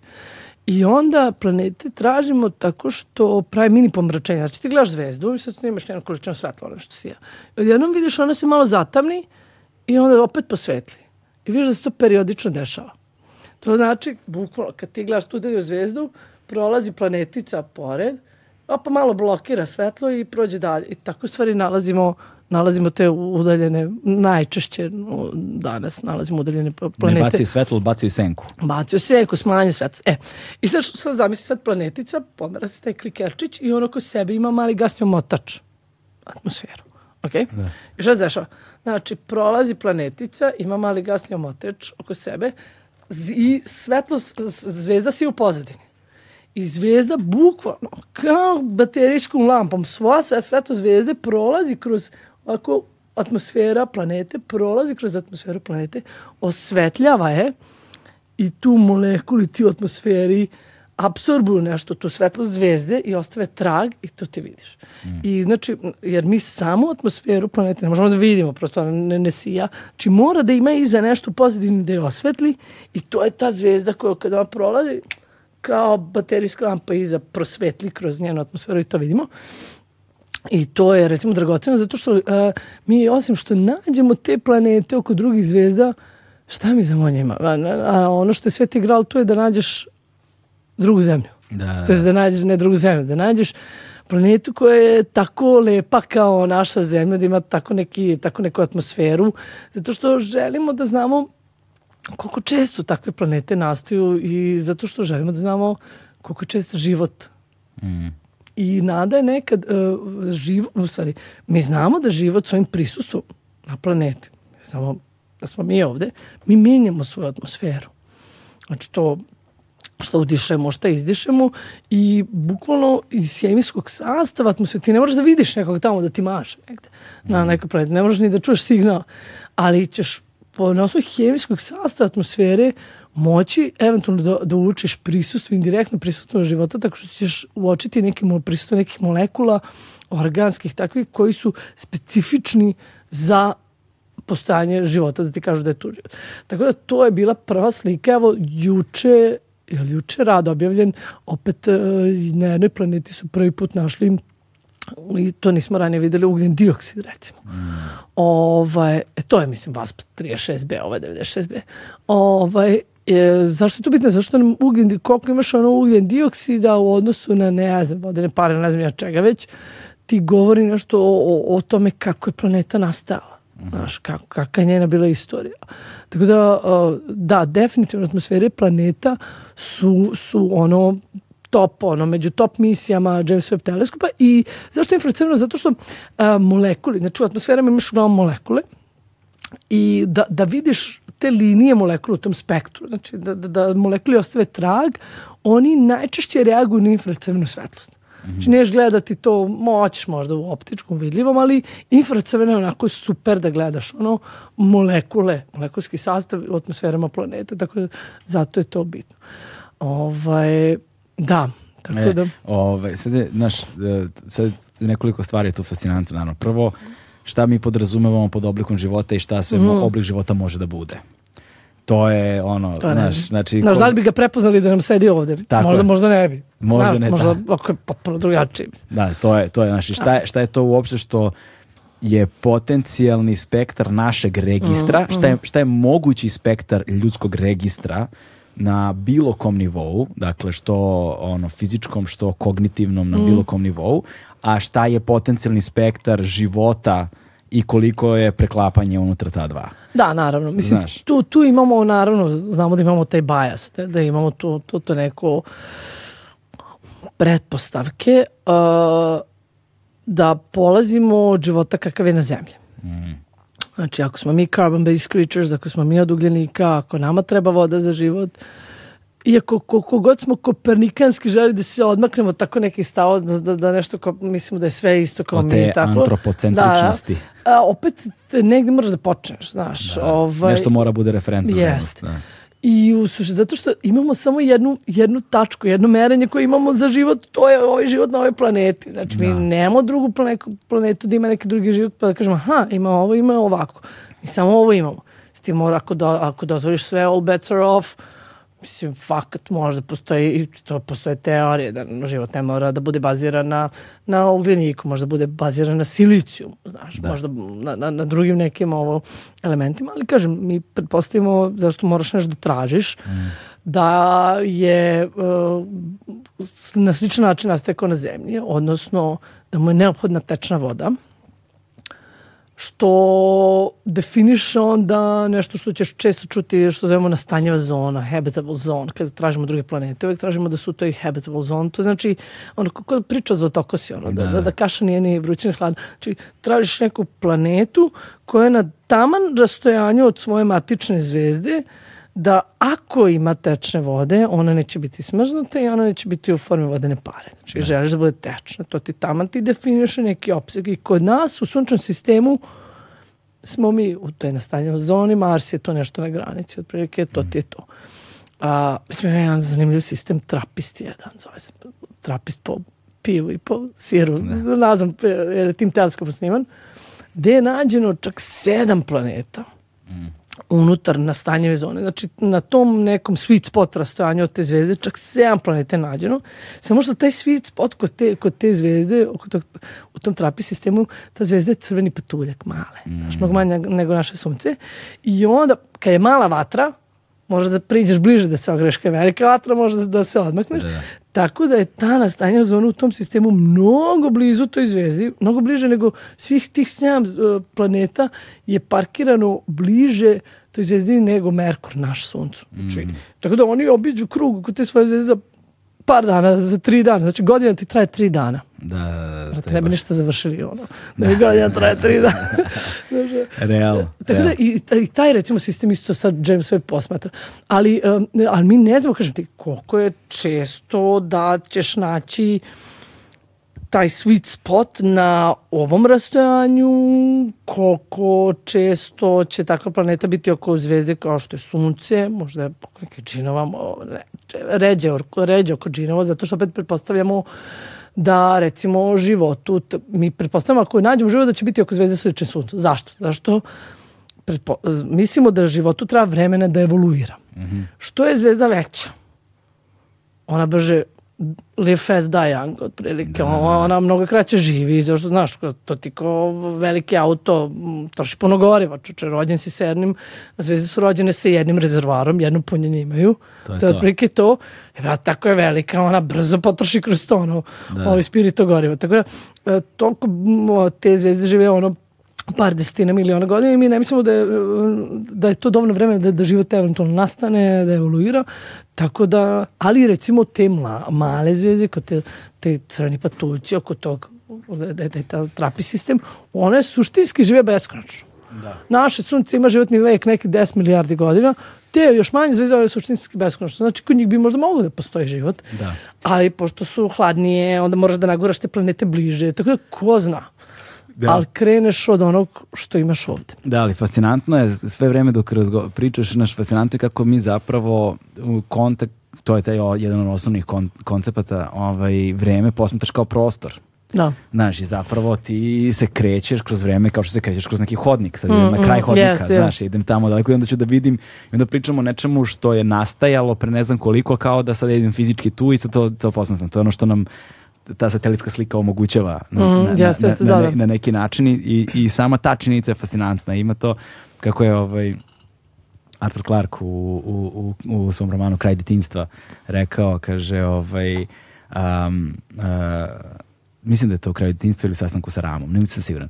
Kaže ovaj um, uh, uh, ponekad pomislim da smo sami u svemiru, znaš, a ponekad pomislim da nismo. Šta god da ta dva da je tačno je potpuno fascinantno. Da, da, da. Znaš, da, kao, da, znači, bukvalno, bu, ne.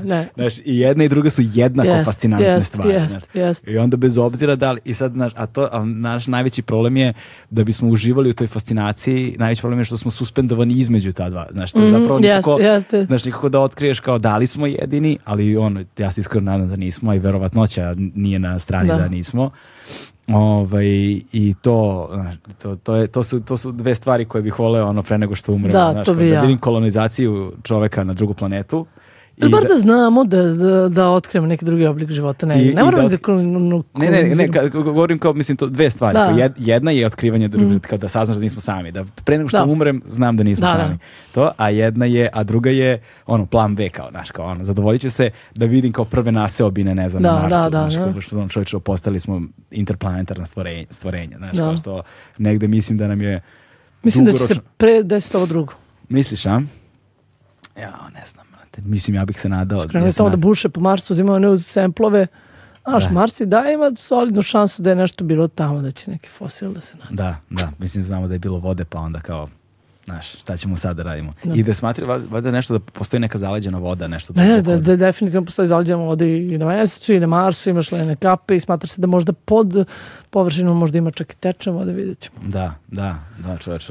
Znaš, je sad taj, taj uh, infracrveni teleskop, uh -huh. ovaj, uh, malo pre si pričala za to vreme na Hubble, sad je sad uh -huh. fascinantno uh, uh, kako se dobija vreme na ovaj, Jamesu Webbu. Ono.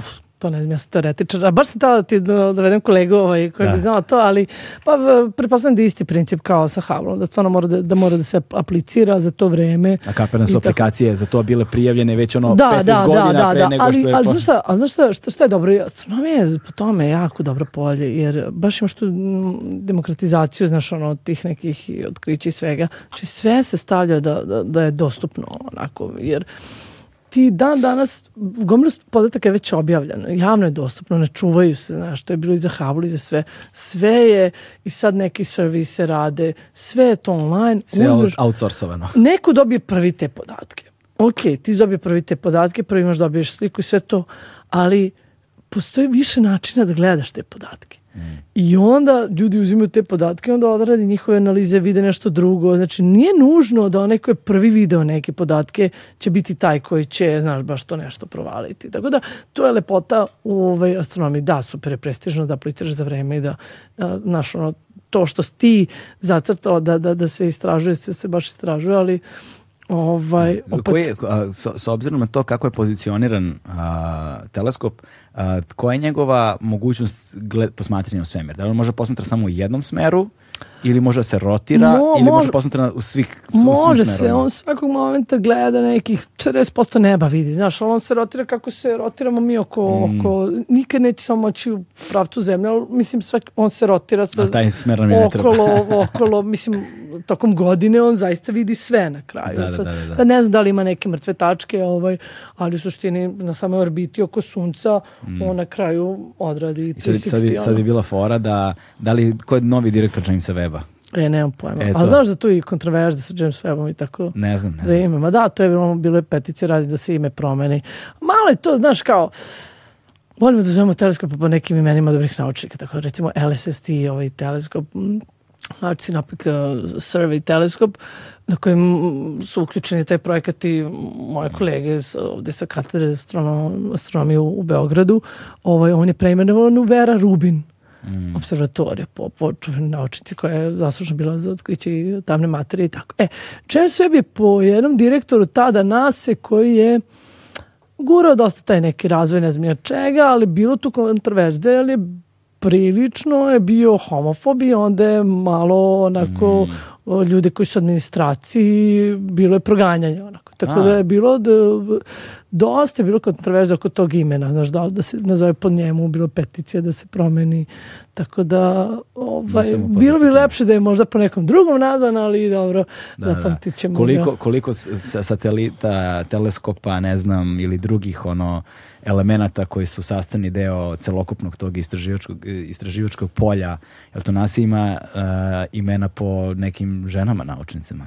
Pa uh, biće, kažem, evo da, sad da, imamo Veru Rubin, ali da. trebalo bi malo više da bude. Ali, to, da, to, recimo, naš. Da, da. Ali dobro, tu sad zalazimo u neku drugu sferu. Da. Ovaj, ono što, ono što, je, što bi bilo sad fascinantno jeste da novi direktor se, koji je, ako je on dobio isto 100 sati da, ne znam, da. da to dobio 100 sati kaže aj sada da uperimo u najtamniju tačku da, da, da, da, to koja bi bila najtamnija tačka za James Webb Uh, pa nemam pojma, stvarno Znaš, ne znam. I kako da, bismo onda u nju mogli da posmatramo ako je ono... Da, nešto bi vjerojatno pogledali sa starim infracionalnim teleskopima gde je bilo ono mračno, gde nisu vidjeli ništa, pa onda još tamo malo se zoomirati, ali, da. ali kažem ti, mislim da tek ćemo da vidimo, znači već u ovih prvih ono šta je koliko dobijamo već nove podatke, dva meseca možda. Mm. Znači već tu bilo nekih iznenađenja, mislim tek ono, tek, te, tek predstoji, tek ćemo da vidimo. To bi bilo strava. To je ono gde bi recimo internet mogao prvi put posle ko zna koliko godina da odigra dobru ulogu, znaš. Mm. To je, sećam se kao, kao kada su recimo ovaj, policija i šta ti ja znam u brojnim slučajevima kada nisu mogli da nađu rešenje, aha, objave fotografije aha, na da, da. netu i onda puste ljude da ih sami nađu i nađu čoveče. Da, Tako da, je bilo, mislim da je, to, da je to bio slučaj za, za, za onaj teroristički napad na Bostonskom maratonu, mm -hmm. tako nešto da su zapravo, da je policija objavila ono sve security footage ono, sa, sa, sa, pošto nisu mogli da nađu počinioce i da ih internet pronašao, mm. tako nešto. Nisam siguran, to treba proveriti. Ali ti, astronomija dosta ima e, sličnu stvar radi uh, što za citizen science. Ne, ne. Znači, građanska nauka. Okay. Ovaj, i, uh, u, u čemu je fora? Znači, to je počeo u stvari sa SETI programom. SETI program, mm, Search for se. Extraterrestrial Intelligence. Carl Sagan. Ok, Carl Sagan. Sam, okay. Šta je bila fora? Znači, a, a, fora je bila što kao, ok, a, zvezde u, u radio talasima, kad gledaš, a ima neki šum, onako nasumično, redom. A ljudi, ako emituju satelitski program radio, a, imaš radio signale koji su pravilni, onako imaju neku, imaju neku strukturu. I fora je bila, svemir veliki, uzmeš radio teleskop i snimaš zvezde i analiziraš signal, da li je signal sa te zvezde, ono neki opet neki random ono, radio šum kao što očekuješ od zvezde ili ćeš vidjeti neku, neku pravilnost. Okay? Mm. Što će ti reći da možda gledaš neku civilizaciju koja ima, ne znam, emituje radio talase, argilast emituje. Da, da, da, to. Oj, ovaj, a, e, ali šta je fora bilo? To je bilo 90-ih, kada Šta je fora bilo? Teleskop snima, snima, nakupi gomlu podataka, brate, ne možda na kompjutera to da obradi te podatke. To je bio bottleneck, znaš. I onda su se oni dosetili, napravimo SETI at home. I to sam ja imala kad sam bila klinka. Ono, SETI at home, to je bilo, odeš tamo na njihov sajt, nasi, znači već, downloaduješ nešto što izgledalo kao cool screensaver. Mm. Onako. I on, šta se dešava? Ovaj, kad, ok, tu smo već bili na dial-upu, ajde. Ovaj, I kad ti ne koristiš kompjuter, kompjuter ode u stand-by, ima, upali se screensaver, On se onda probudi sa at home, poveže, uzme paketić podataka i onda obrađuje na tvom kompjuteru i vrati natrag. Mm. Okay. I onda ti učestvuješ. I ti si onda deo tog istraživanja. I sad je to, i to, to je s tim počelo. I sad se to proširilo na gomilu oblasti nauci i astronomije isto i dalje vode. Jer generišemo jako puno podataka i to nema, nema, nema ko da obradi u suštini. I automatizuje se to sad, veštačka inteligencija tamo ovamo. Ali, znaš, glavno puta ti treba ljudsko oko. Mm. I sad su se razvili ti programi Citizen Science, građanske nauke su redano uh, đacima davala da se malo igraju s tim i da pišu maturske iz toga. Mo, može kogod hoće, koga, koga god zanima. Dobar sajt za to je Galaxy Zoo. Ne, ne Galaxy, Zooniverse. Pro, Project Zooniverse, Zooniverse. I tu imate projekte građanske nauke iz raznih oblasti. Mislim, stvarno ima od antropologije, istorije, do, do astronomije, fizike i tako da. I gde vi tamo pristupate tom nekom projektu, izaberete temu I onda o, imate mali tutorial i onda vas on nauči šta da gledaš, šta da ne gledaš. I onda su bili tako projekti, recimo, slike, ne znam, ono, površine Marsa i prolaziš kroz te slike. I sad ti si onda, znači, među prvima koji to gleda. Mm. To je isto ona dobra fora, onako. I onda, ne znam, to klasifikuješ, analiziraš, oni te nauče šta da gledaš, šta da tražiš, ti možda učiš nešto što, što niko nije.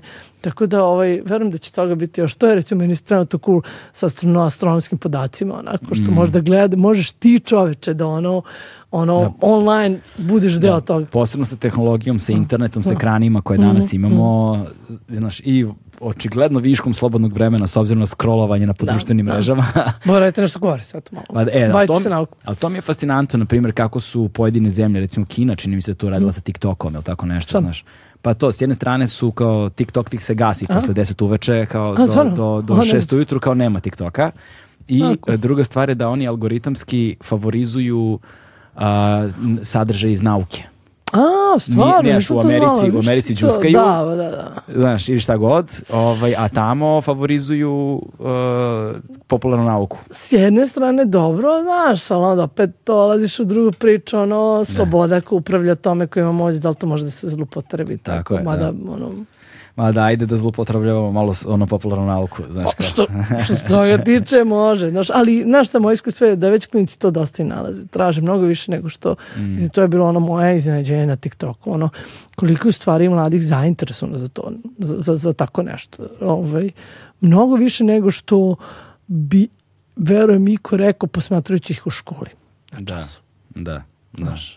Znaš, a meni klinci pričaju prodavnici, onako, ja, ti... Ono, Stvarno, a? Da, da, klinci, čovječ, klin, ono, ali ono mladi tek tineđeri, ono, sedmi, osmi razred, znaš, ono, ko- 13, 14. konto bi, konto bi, baš ih briga, kakva fizika, č, č, bali, ono, zanima ga, ne, ne priđu, e, kao, ti kao fiziku priča, da je kao super, može slikamo tamo, vamo nešto, ali, znači da, znaš, interesantni su im ti sadržaj, Mm. pitaju i, Kako tebi funkcioniše to na TikToku? Kako rad, kad nismo se videli dugo, ono? Da, e pa super, znaš, ono malo zbog posla imam manje vremena, ali trudim se da snimam što više mogu, ono, kažem ti, ljudi žele to da znaju. Ja, ono, šta mi, ako je neka vest, nešto od mojih, sa mojih predavanja, nešto snimim, nešto ljudi pi- pitaju, pitaju super stvari.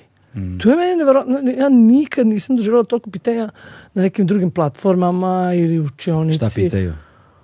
Ono, potpuno cool stvari, znaš, ne, tip, šta je bilo da nema meseca, na primjer. Da. Što, to je potpuno cool pitanje, razumeš, ono kao. S obzirom na to da se mesec udaljava, Pa da, onda, znaš, on se udaja, mi ne bi da ga nema, on se ne, ne bi se udaljavao, mi zato ne bi usporavali, ne bi ne primali oseku, ne bi, znaš, mislim, još da, ga... da. ne bismo se rotirali uopšte. A, Tako? a, bi, bi, bi, i ostale planete se Ne, rotiraju. oko koje ne- sopstvene ose. A, bi, bi, Bi, bi, verovatno. Imaš tu inicijalnu rotaciju, to je obla gasa koji je nastao. Aha, aha. A onda vremensk, uh, ovaj, uh, godišnja doba.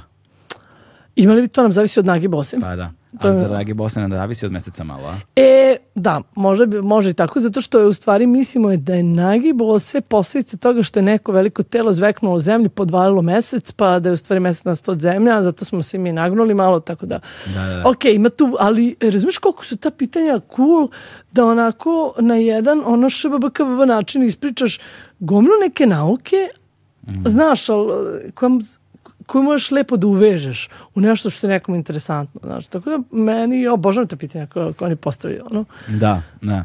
Ove, e sad, znaš šta, šta, šta, šta, šta me zanima, ono, a, kako, kako tačno zapravo a, ono korak po korak nastaje ceo taj proces a, a, ovaj, dakle to- tog velikog praska takozvanog i to.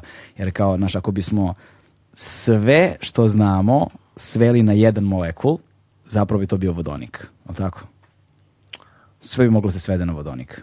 Pa krenulo je s vodonikom helijumom. Helium, znači... Se mora, da, zašto je bilo fuzija na početku? Ma Da, e sad, koja je razlika između fuzije i Aha, aha. e, fizije? Aha, da, da, da. Kao, Da, da. Znaš, kako, kako, kako, kako zapravo ceo taj proces nastaje korak po korak? Aha, šta, se, šta se dešava? Da. Jer, jer to na kraju posmatra, James Webb posmatra u te stvari. Pa, posmatra na kraju hemijski sastav, ali ovo kako je I došlo do nada toga... se da vidi ova dva. Da, da, da, da, da, da. Da, ali da, kako je došlo do toga, to je dobro pitanje. Baš to, to, to je nešto čime se ja bavim između, između ostalog. Ali da, znači, kažeš ti, sve na to, veliki prasak, ok, imaš tu kašu, Su- čestica, supu, primordijalnu zračenja, supu, jeste. da. I ajde, to spoje se kvarkovi i nastanu ti elektrončići, imaš, to je to, to su ti Čekaj, elektroni. polako, spoje se kvarkovi. Dobro, ajde, bilo je kvarkova. ajde. Da, da, da, okej. Dobro, zato što moraš da spojiš tri kvarka da bi dobio neutron i dobio proton. Koje tri? Pa imaš razne vrste, Ok. ne, takozvani up i down kvarkovi. različiti- Šta su zapravo kvarkovi? Pa kvarkovi su koliko današnje sliku imamo, fundamentalne čestice koje onda čine proton i neutron. Mislimo da nisu deljive dalje, isto kao što elektron mislimo da nije deljiv dalje, ali kažem, to je trenutno uh, trenutno naše razumevanje ono, nauke, ono, Mm. sveta čestice koje imamo. I za to je bio zatožen CERN, zašto? pa za kvarkove. On je bio za, Za Higgsov bozon. Da, da, da, da, ovaj, zato što prosto e, sve te stvari nove čestice, pazi, ono, svakodnevni svet i ono što osnov, za svakodnevni život šta ti treba da znaš je da imaš neutron i da imaš proton i da imaš elektron. Ok, to je to. U neutroni, protoni imaš te up i down kvarkove, imaš elektron. To je to sve što pravi svet oko nas. To ti pravi sve hemijske elemente. Ali, ako ti zvekneš stvari dovoljno jako, dovoljno energijom, čestice, dve zajedno i tako, tu izletiš gomno nekih čestica koje kratko žive. I to je čitav zoološki vrt čestica. Mislim, one, za svakodnevni život i one nisu toliko bitne zašto prosto ne, ne pravo ono, što zovemo barijanska materija koja, koje smo mi napravljeni, ali one postoje. Znaš. Imaš te mione koji padaju, pljušte po atmosferi, one isto kratko žive i tako. Ovaj, imaš te, znači, taj zoološki vrt čestica. Tako da, ovaj, zato je cenu stvari i čitav ideja bila, aha, što ga jače zvekneš, imaš više energije na raspolaganju, nade da ćeš proizvesti nešto što još nisi video i nade bilo da ćemo vidjeti taj Higgsov bozon koji smo pretpostavili ranije zato što je bio kao neka nedostajuća puzla u, u teoriji koju imaš. Ono, namestio si teoriju A znaš da si izmislio jedan deo. Znači, da, pošto da, nije bio tu, tu si ga izmislio da bi povezao ovo što si znao, razumeš? Da, da, da. I kao, dobro, smo ga zaista izmislili ili on stvarno postoji, onda je bilo bitno da ga baš i nađeš da postoji. Da, ona kao, I onda kad su ga našli da postoji... Ostali bi svi bez posla da ga nisu našli. Mm. Ali opet, naš, Cern je tu do, doveo neke, do, do, do, samim tim što nisu našli ništa dalje, onda teorije malo druge supersimetrije, nečeg drugog malo, aha, šta, naš, da je tamna materija, kako stoje ostale čestice, tako da nije to još mm. priča gotova. Ali, u velikom prasku. Znači, kad ti poslužiš te čestice, kad si već dobio ono svoje osnovne sastojke, znači ono su obrašno, ovaj, dobio si već protone, dobio si neutrone, e, pošto to sve daje tamo dovoljno vruće, u tom rano svemiru bilo, onda te stvari krenu da fuzioniš, odnosno da se spajaju zajedno, da, da se spajaju u kombinaciji. Znači, šta ti je vodonik? Vodonik ti je proton mm -hmm. i kasnije, to jest proton je jezgro vodonika, a kasnije on, kad svemir malo ohladi 300.000 godina kasnije, on onda zgrabi elektron i onda dobiješ atom vodonika. A u ranom svemiru u prvoj minuti to imamo samo elektroni su odvojeni. Oni imaju dalje svoju slobodu, čoveče, nisu na lancu, više imaju dovoljne energije. E, znači proton ti je vodonik, ali mogu da se spoje dva neutrona i dva protona i da dobiješ helijum. Mm. To je jezgro helijuma koje fancy zovemo alfa čestica. Ajde. Alfa čestica. Da. A onda moraš, znači, jel, pazi, ti da bi sve teže, ne znam koliko ti gvožđe ima, ovaj, ono, 56, ono, česticu u, u, u sebi, u jezgru i tako to, znači, pa, ne znam, kisonik, litijum ima 3, ne znam, berirum, koliko ima, znači, praviš sve nešto kompleksnije kompleksije. Moraš prvo napraviš malo. Mm. Kreneš od protona, ko što si ti rekao, sve je vodonik u suštini, kreneš od protona, to ti je osnovno, i onda slažeš kockice, znaš, ono, aha, uzem dva protona, dva neutrona, dobro, to mi je helium, aha, dodam još jedan proton, aha, to mi je litijum, pa onda slažem dalje. Znači, jel, moraš da kreneš od malih stvari i onda praviš, praviš mm. veće stvari. Ali za sve to ti traje energija. Znaš, ti možeš negdje da ga držiš blizu dovoljno dugo, da se oni, i sa dovoljnom energijom, da se oni kliknu, da, da ti da. fuzionišu, da, da, da se spoje jedan, tu možeš da uložiš energiju. I svemir kad je nastao, to je bilo vruće, ona krenula da, da fuzioniš, to deš u prva tri minuta, bukvalno od prvog do trećeg minuta. Za pitanje koliko je to bilo vruće? Pričamo o nekim milijardama stepeni, desno, da, milijardu stepeni, pa nekako, da. kada je krenula fuzija otprilike. U, u, u, tim, u, u tim veličinama tu ti sve nosi u Kelvinima, Celzijusima ili u čemu, milijarde, milijarde. Da, da, da, da, da, da. to više nije bio, to je sve otprilike Ovaj, E, da, i onda krene fuzija, ha, spaš vodonike, praviš helijum, kreneš to da spaš, napravi si malo litijuma i opa, svemir se ohladio, raširio, ne da, i tu fuzija prestaje. Mm. I zato si ti na kraju započeo svemir, prvi sastojci su ti vodonik, helijum, litijum, malo nešto imaš deuterijum, deuterijum je teža varijanta ono, vodonika. Ovaj, I to je otprilike to, zato što, kažem ti, prosto svemir se sad odjednom ohladio, temperatura je pala, čestice su se razledile, nisu dovoljno toliko bliske više i fuzija prestaje. I sledeći moment, sledeći put kad fuzija ponovo kreće da radi je u centrima zvezda. Mm. Kad se nagura taj pritisak, kad se nagura ta temperatura od Sve ono milijarde... kako zvezde nastaju. E da, e onda sad imaš taj gas koji ti je osnovni ono protoni, znači vodonik, helijum, nešto malo litijuma i to je to. I to je sve mahom homogeno. Ma, mahom ujednačeno. Znači, zamisli, sad, sad ti imaš ovde sad planetu, imaš zvezdu. Ranije nije bilo to. To je bilo samo gas ujednačen. Sreća nije bilo sa, apsolutno savršeno. Da je bio svemir apsolutno savršen. U smislu, apsolutno sve da bi bilo ujednačeno, homogeno. To je bio najdosadniji svemir ikad. Da, Bukvalno ne bi bilo ničega. On bi ostao za uvek savršen. Mm. I dosta. Da, da, da. Najbolje stvari sa onim nesavršenostima. Entropija. E, i onda, baš zato što su postale te male nesavršenosti u gustini tog gasa koji je svuda bio, ta mala nesavršenost, aha, ona je malo gušća, ona postaje još gušća, postaje sve veća i veća nesavršenost i kreće ta, ta prva zgušnjenja. I to jednom kad krene da se zgušnjava, gravitacija. Taj gas. Da, on nastavlja da se zgušnjava. I nastavlja da iz našu gravitaciju, on privlači kad sebi više. Znači, dovoljno ti jedno seme, jedno zrno, ono, da je malo ujednačeno i vremenom ono postaje, to, to raste i to proste sve gušće, gušće, privlači, onda je sve masivnije, onda privlači drugi gas i tako ti u stvari nastaju zvezde. One ti nastaju, to su ogromni oblaci gasa koji su danas i dan danas u galaksijama. E, u tim obracima gasima puni prašine i tako toga, Ove, ovaj, to nije ova vaša kućevna prašina, to je svemirska prašina.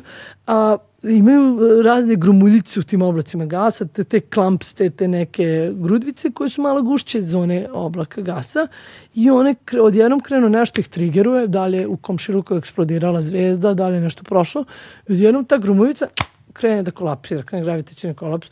Ona je bila velika, ona je bila mnogo veća od sunčevog sistema, ta gromuljica, ali se ona vremenom se sažima, centar je postaje sve gušći. U jednom momentu centar postaje dovoljno gust, sam centar, da se temperatura digla do ono milijardu stepeni i da kreće fuzija. Da, e, to je taj moment kada ti... Zapravo što se više zgušnjava, veći je pritisak. Jeste, što je veći pritisak, i veća je temperatura. temperatura i da. A, da. Tako da su svi tako nastoji zvezda, ona onda privlači gas k sebi i tako. To, tad kreće fuzija da sledeći put u, u, u svemiru. Znači, prvo je bila fuzija ono, velikom prasku, a onda kreće kasnije E sad, tu se, tu se razlikuju zapravo, tu se sad dolazi do prve klasifikacije zvezda u suštini. Mm. Odnosno, odnosno, verovatno u odnosu na veličinu tog gasa, mm koji kolabira, ovaj, gravitacion, gravitacion kolaps taj, zavisi i kakva će zvezda da bude. Jeste, zavisi koliko ono, ono, naš, koliko je imalo u okolini sebe, koliko je bio velik taj početni oblak, mm. koliko je imala gasa da privuče, tako da neke ispadnu manje, neke veće, od toga smo rekli, zavisi im dužina života veće, žive da. kraće, duže, brže. I negde kad gledamo svemir, koliko često koja vrsta zvezda nastaje, če, mnogo lakše napraviti manje zvezde, tako da njih imamo mnogo više. Da. Ove zvezde veličine kao sunce su u suštini najtipičnije veličine, a one najmasivnije, one, a to su one koje na kraju uh, su dovoljno masivne da na kraju okončaju život u eksploziji. Da, one su nam jako bitne, e, supernova. One su mi jako bitne, ali one vraćaju to što su napravile vraćaju natrag u zajednicu. Znači vraćaju dalje, obogaćuju. Znači one su ti bitne za evoluciju. Ove male, one samo se naprave i umru. Tako šta su uzele, uzele, one tako umru. Sve zadrže za sebe. A ove velike eksplodire, one su nam bitne. E, recimo one, ne znam, u krugu oko nas, od, od, na stotinu zvezda ima jedna koja će ono, mm. moći da, da. eksplodira. Da. E sad, te, te, te, te supermasivne mm. koje ovaj, kreiraju supernove, mm. ovaj, one kreiraju i crne rupe. Jeste, jeste. One, kre, one ovaj, mogu da završe na kraju nakon te eksplozije. Ako se ne zato, reši dovoljno mase, ona postaje crna rupa. Zato Ili neutronska zvezda. Da. Na, ne, zato što zapravo se taj gravitacijni kolaps nastavlja. Onda Jeste, zato što ona prosto nema, jer ti, e, ja sad tu dolazim do to fuzije fizije, baš, baš si to pričao, znači da ta razlika između velikih i malih zvezda. Znači fuzija krene u zvezdama, ok. I šta je tebi osnovni sastojak? Najviše ima u svemiru vodonika. 90% svemira je vodonik. 10% je helijum, ok. A, sve ostalo tragovima. Mm. Ok. A, e sad, znači glavno primarno gorivo za zvezdu, a i najniža temperatura za to treba je vodonik. Znači prvo kreće fuzija vodonika. Znači zvezda ono, imaš to, taj oblak gasa, on se zgušava, gušava, gušava, diže se temperatura, odjednom prva temperatura koja može da, da nešto fuzioniše je to što odgovara fuziji vodonika i kreće vodonik da se fuzioniše. To znači vodonik, spajaš vodonike i pretvaraš ih u helijum. Sad zamisli odjednom, u, u to jezgru zvezde, sa vodonik se potrošio. Završio si, nemaš više goriva, ostaje ti samo pepeo, to je helijum, ono što ti bio produkt, i zvezda više ne može da fuzioniše, zvezda više ne prve energiju. Zašto je zvezdi bitno da pravi energiju?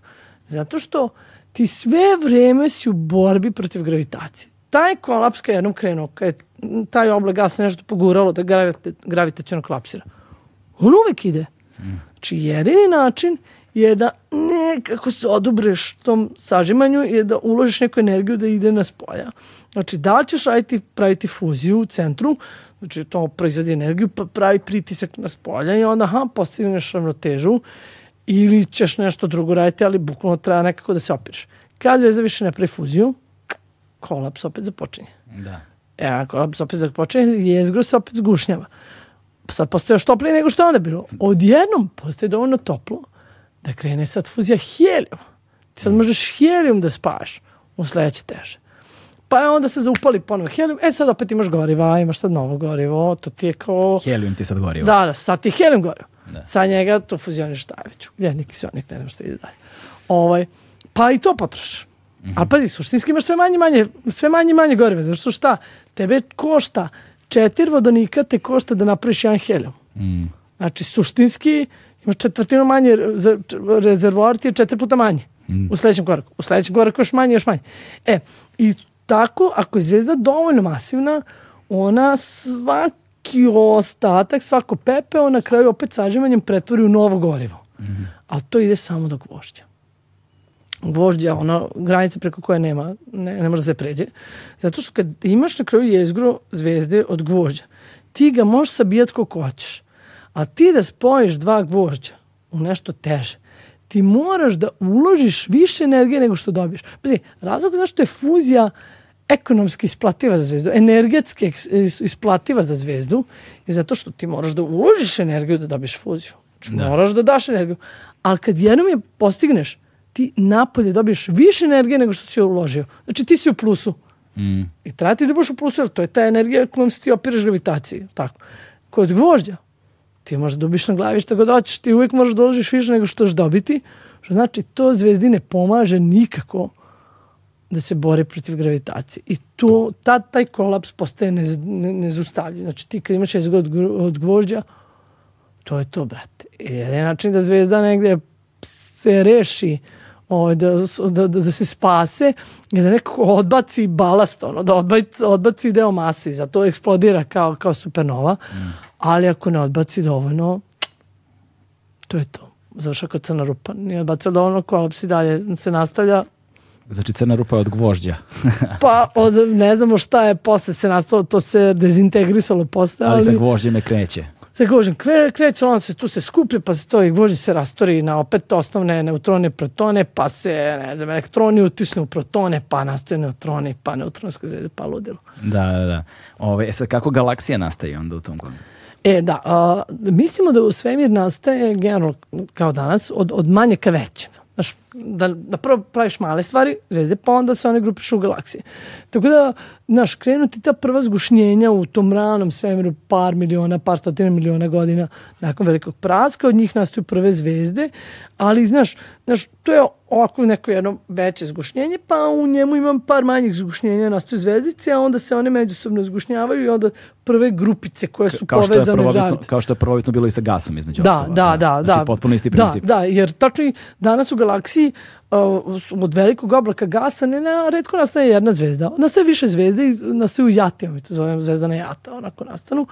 I to, ti kao mini, mini galaksija možda posmatraš jata, znaš, jedna grupa zvezda koja je povezana. E, veće grupe zvezda povezane su galaksije, jel tako? Mm -hmm. Tako da, i onda su to prvo male te galaksije, ali onda se one često sudaraju onda dve sudariš, one se spoje, da biš merge, da, tako? Da kao firme kad se spajaju, pa nastaviš, ve, napraviš veću galaksiju, pa se one opet spoje, pa još veće galaksije. Tako da u suštini ove velike galaksije kao naša koju imamo danas, ti zna, ona nije taka nastala. Ti znaš da ona morala da prođe, da preživi gomilu tih nekih sudara da bi narasle. Mi dan danas rastemo, mi oko sebe imamo nekih, mi smo deo tog jata zajedno sa komšijskom galaksijom Andromedom. I mi smo kao dva velike igrača, ostalo imamo 30 tih nekih mali, mali galaksija.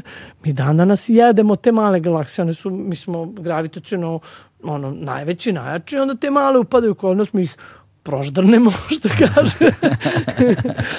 ovaj, pojedemo i to postaje deo naše, naše masi, da. onda suštinski ti tako ovaj, raste galaksija. Da, je sad, a da bi se galaksija formirala kao takva, da li to znači da svaka galaksija mora da ima neko centralno polje koje mm. vuče to? Znači, da li u svakoj galaksiji se zapravo da. nalazi crna rupa? Da, u mislim, centru svake da, galaksije? Da, mislimo da da i te crne rupe i dalje nije sigurno tačno kako nastaju, znači da li, da li su one nastale od tih prvih zvezda, to što sam rekla zvezde populacije 3, zašto se smatrali su, mislimo da su te prve zvezde bile mnogo masivnije nego ove danas. Mm.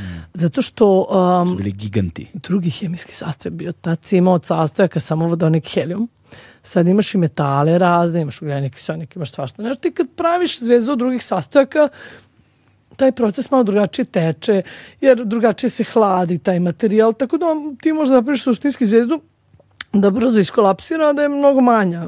E, a ranije, kad je bio samo vodonik helijum, mislimo da su te prve zvezde bile mnogo, mnogo masivnije. Mm. I kada ona okine, kada ona grune, ona će ostati za sebe jako veliku crnu rupu i mislimo da jedno od mišljenja da su možda te crne rupe bili ti seed, to, to, to, to, ti začeci onoga što kasnije postanu uh, te supermasne crne rupe u, centrima galaksija. Ima, kažem, i drugih teorija, ali da, a, u suštini ti u centru, mislimo da u centru svake galaksije ima neka supermasivna crna rupa i čega još isto ima puno u centrima galaksija? Tamne materije.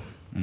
Znači, ovaj, kažem, ovaj, od svemira koji, ko, koji poznajemo, znači, materije ima nekih 27% ili 25%, ne znam koliko ima materije, ali od toga samo je 4% ove ove materije od kojih se prave stvari. Da, da, da, Ostalo, da. što postoje tamna materija.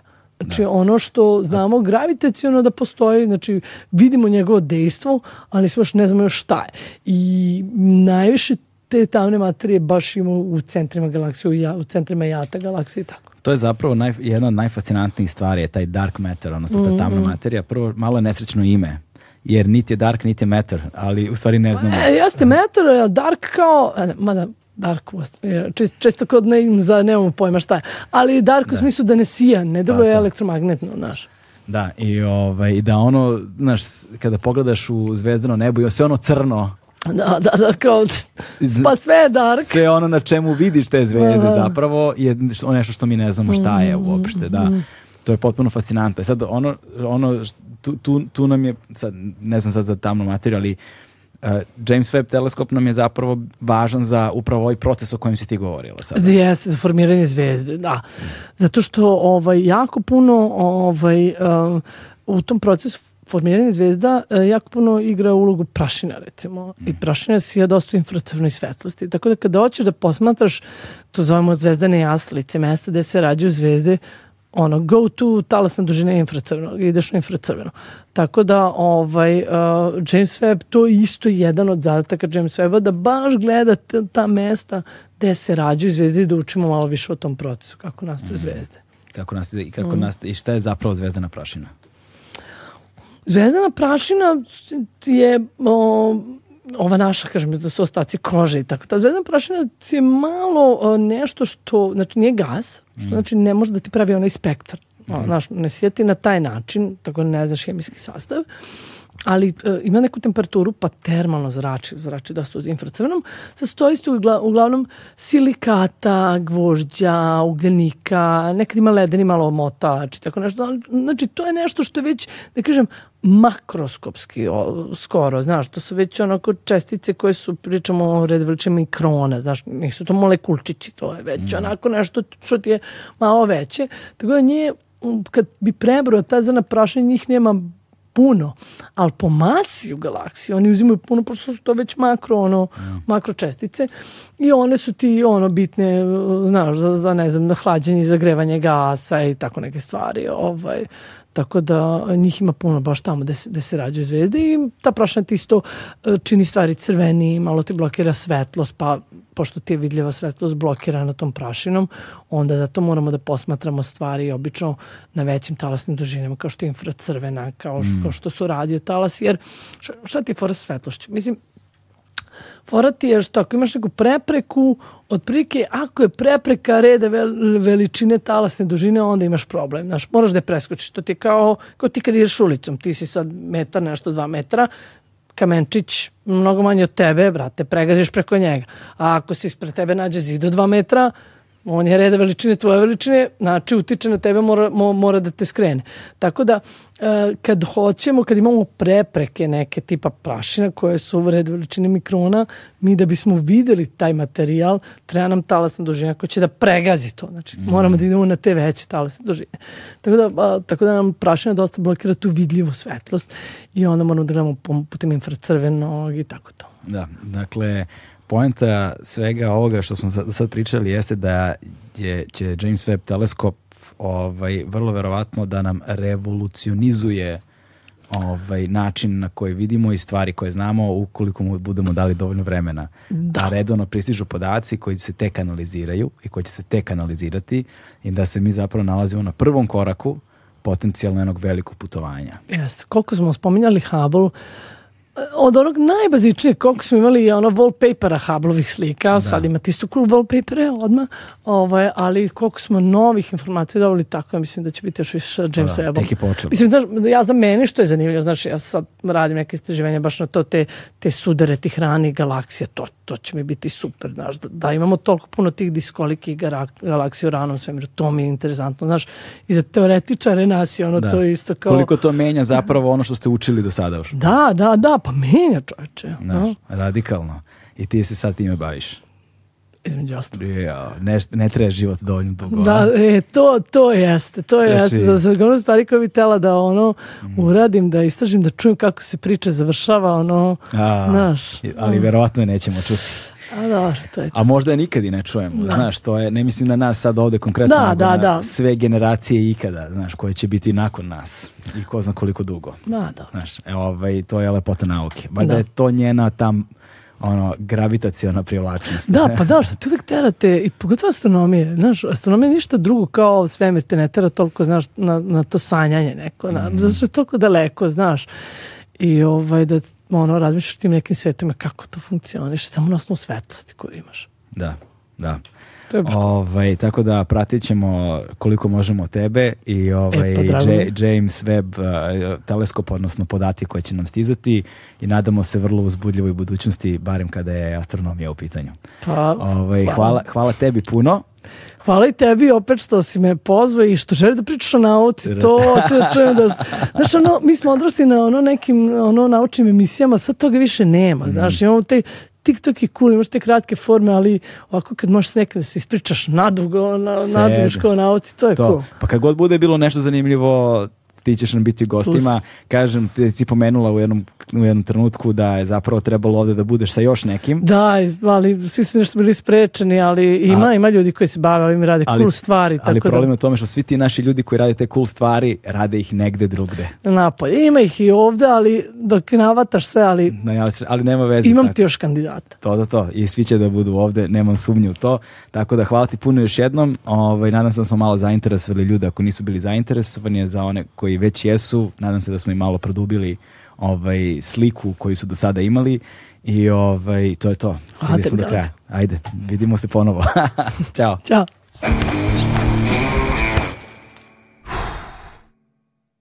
Hmm.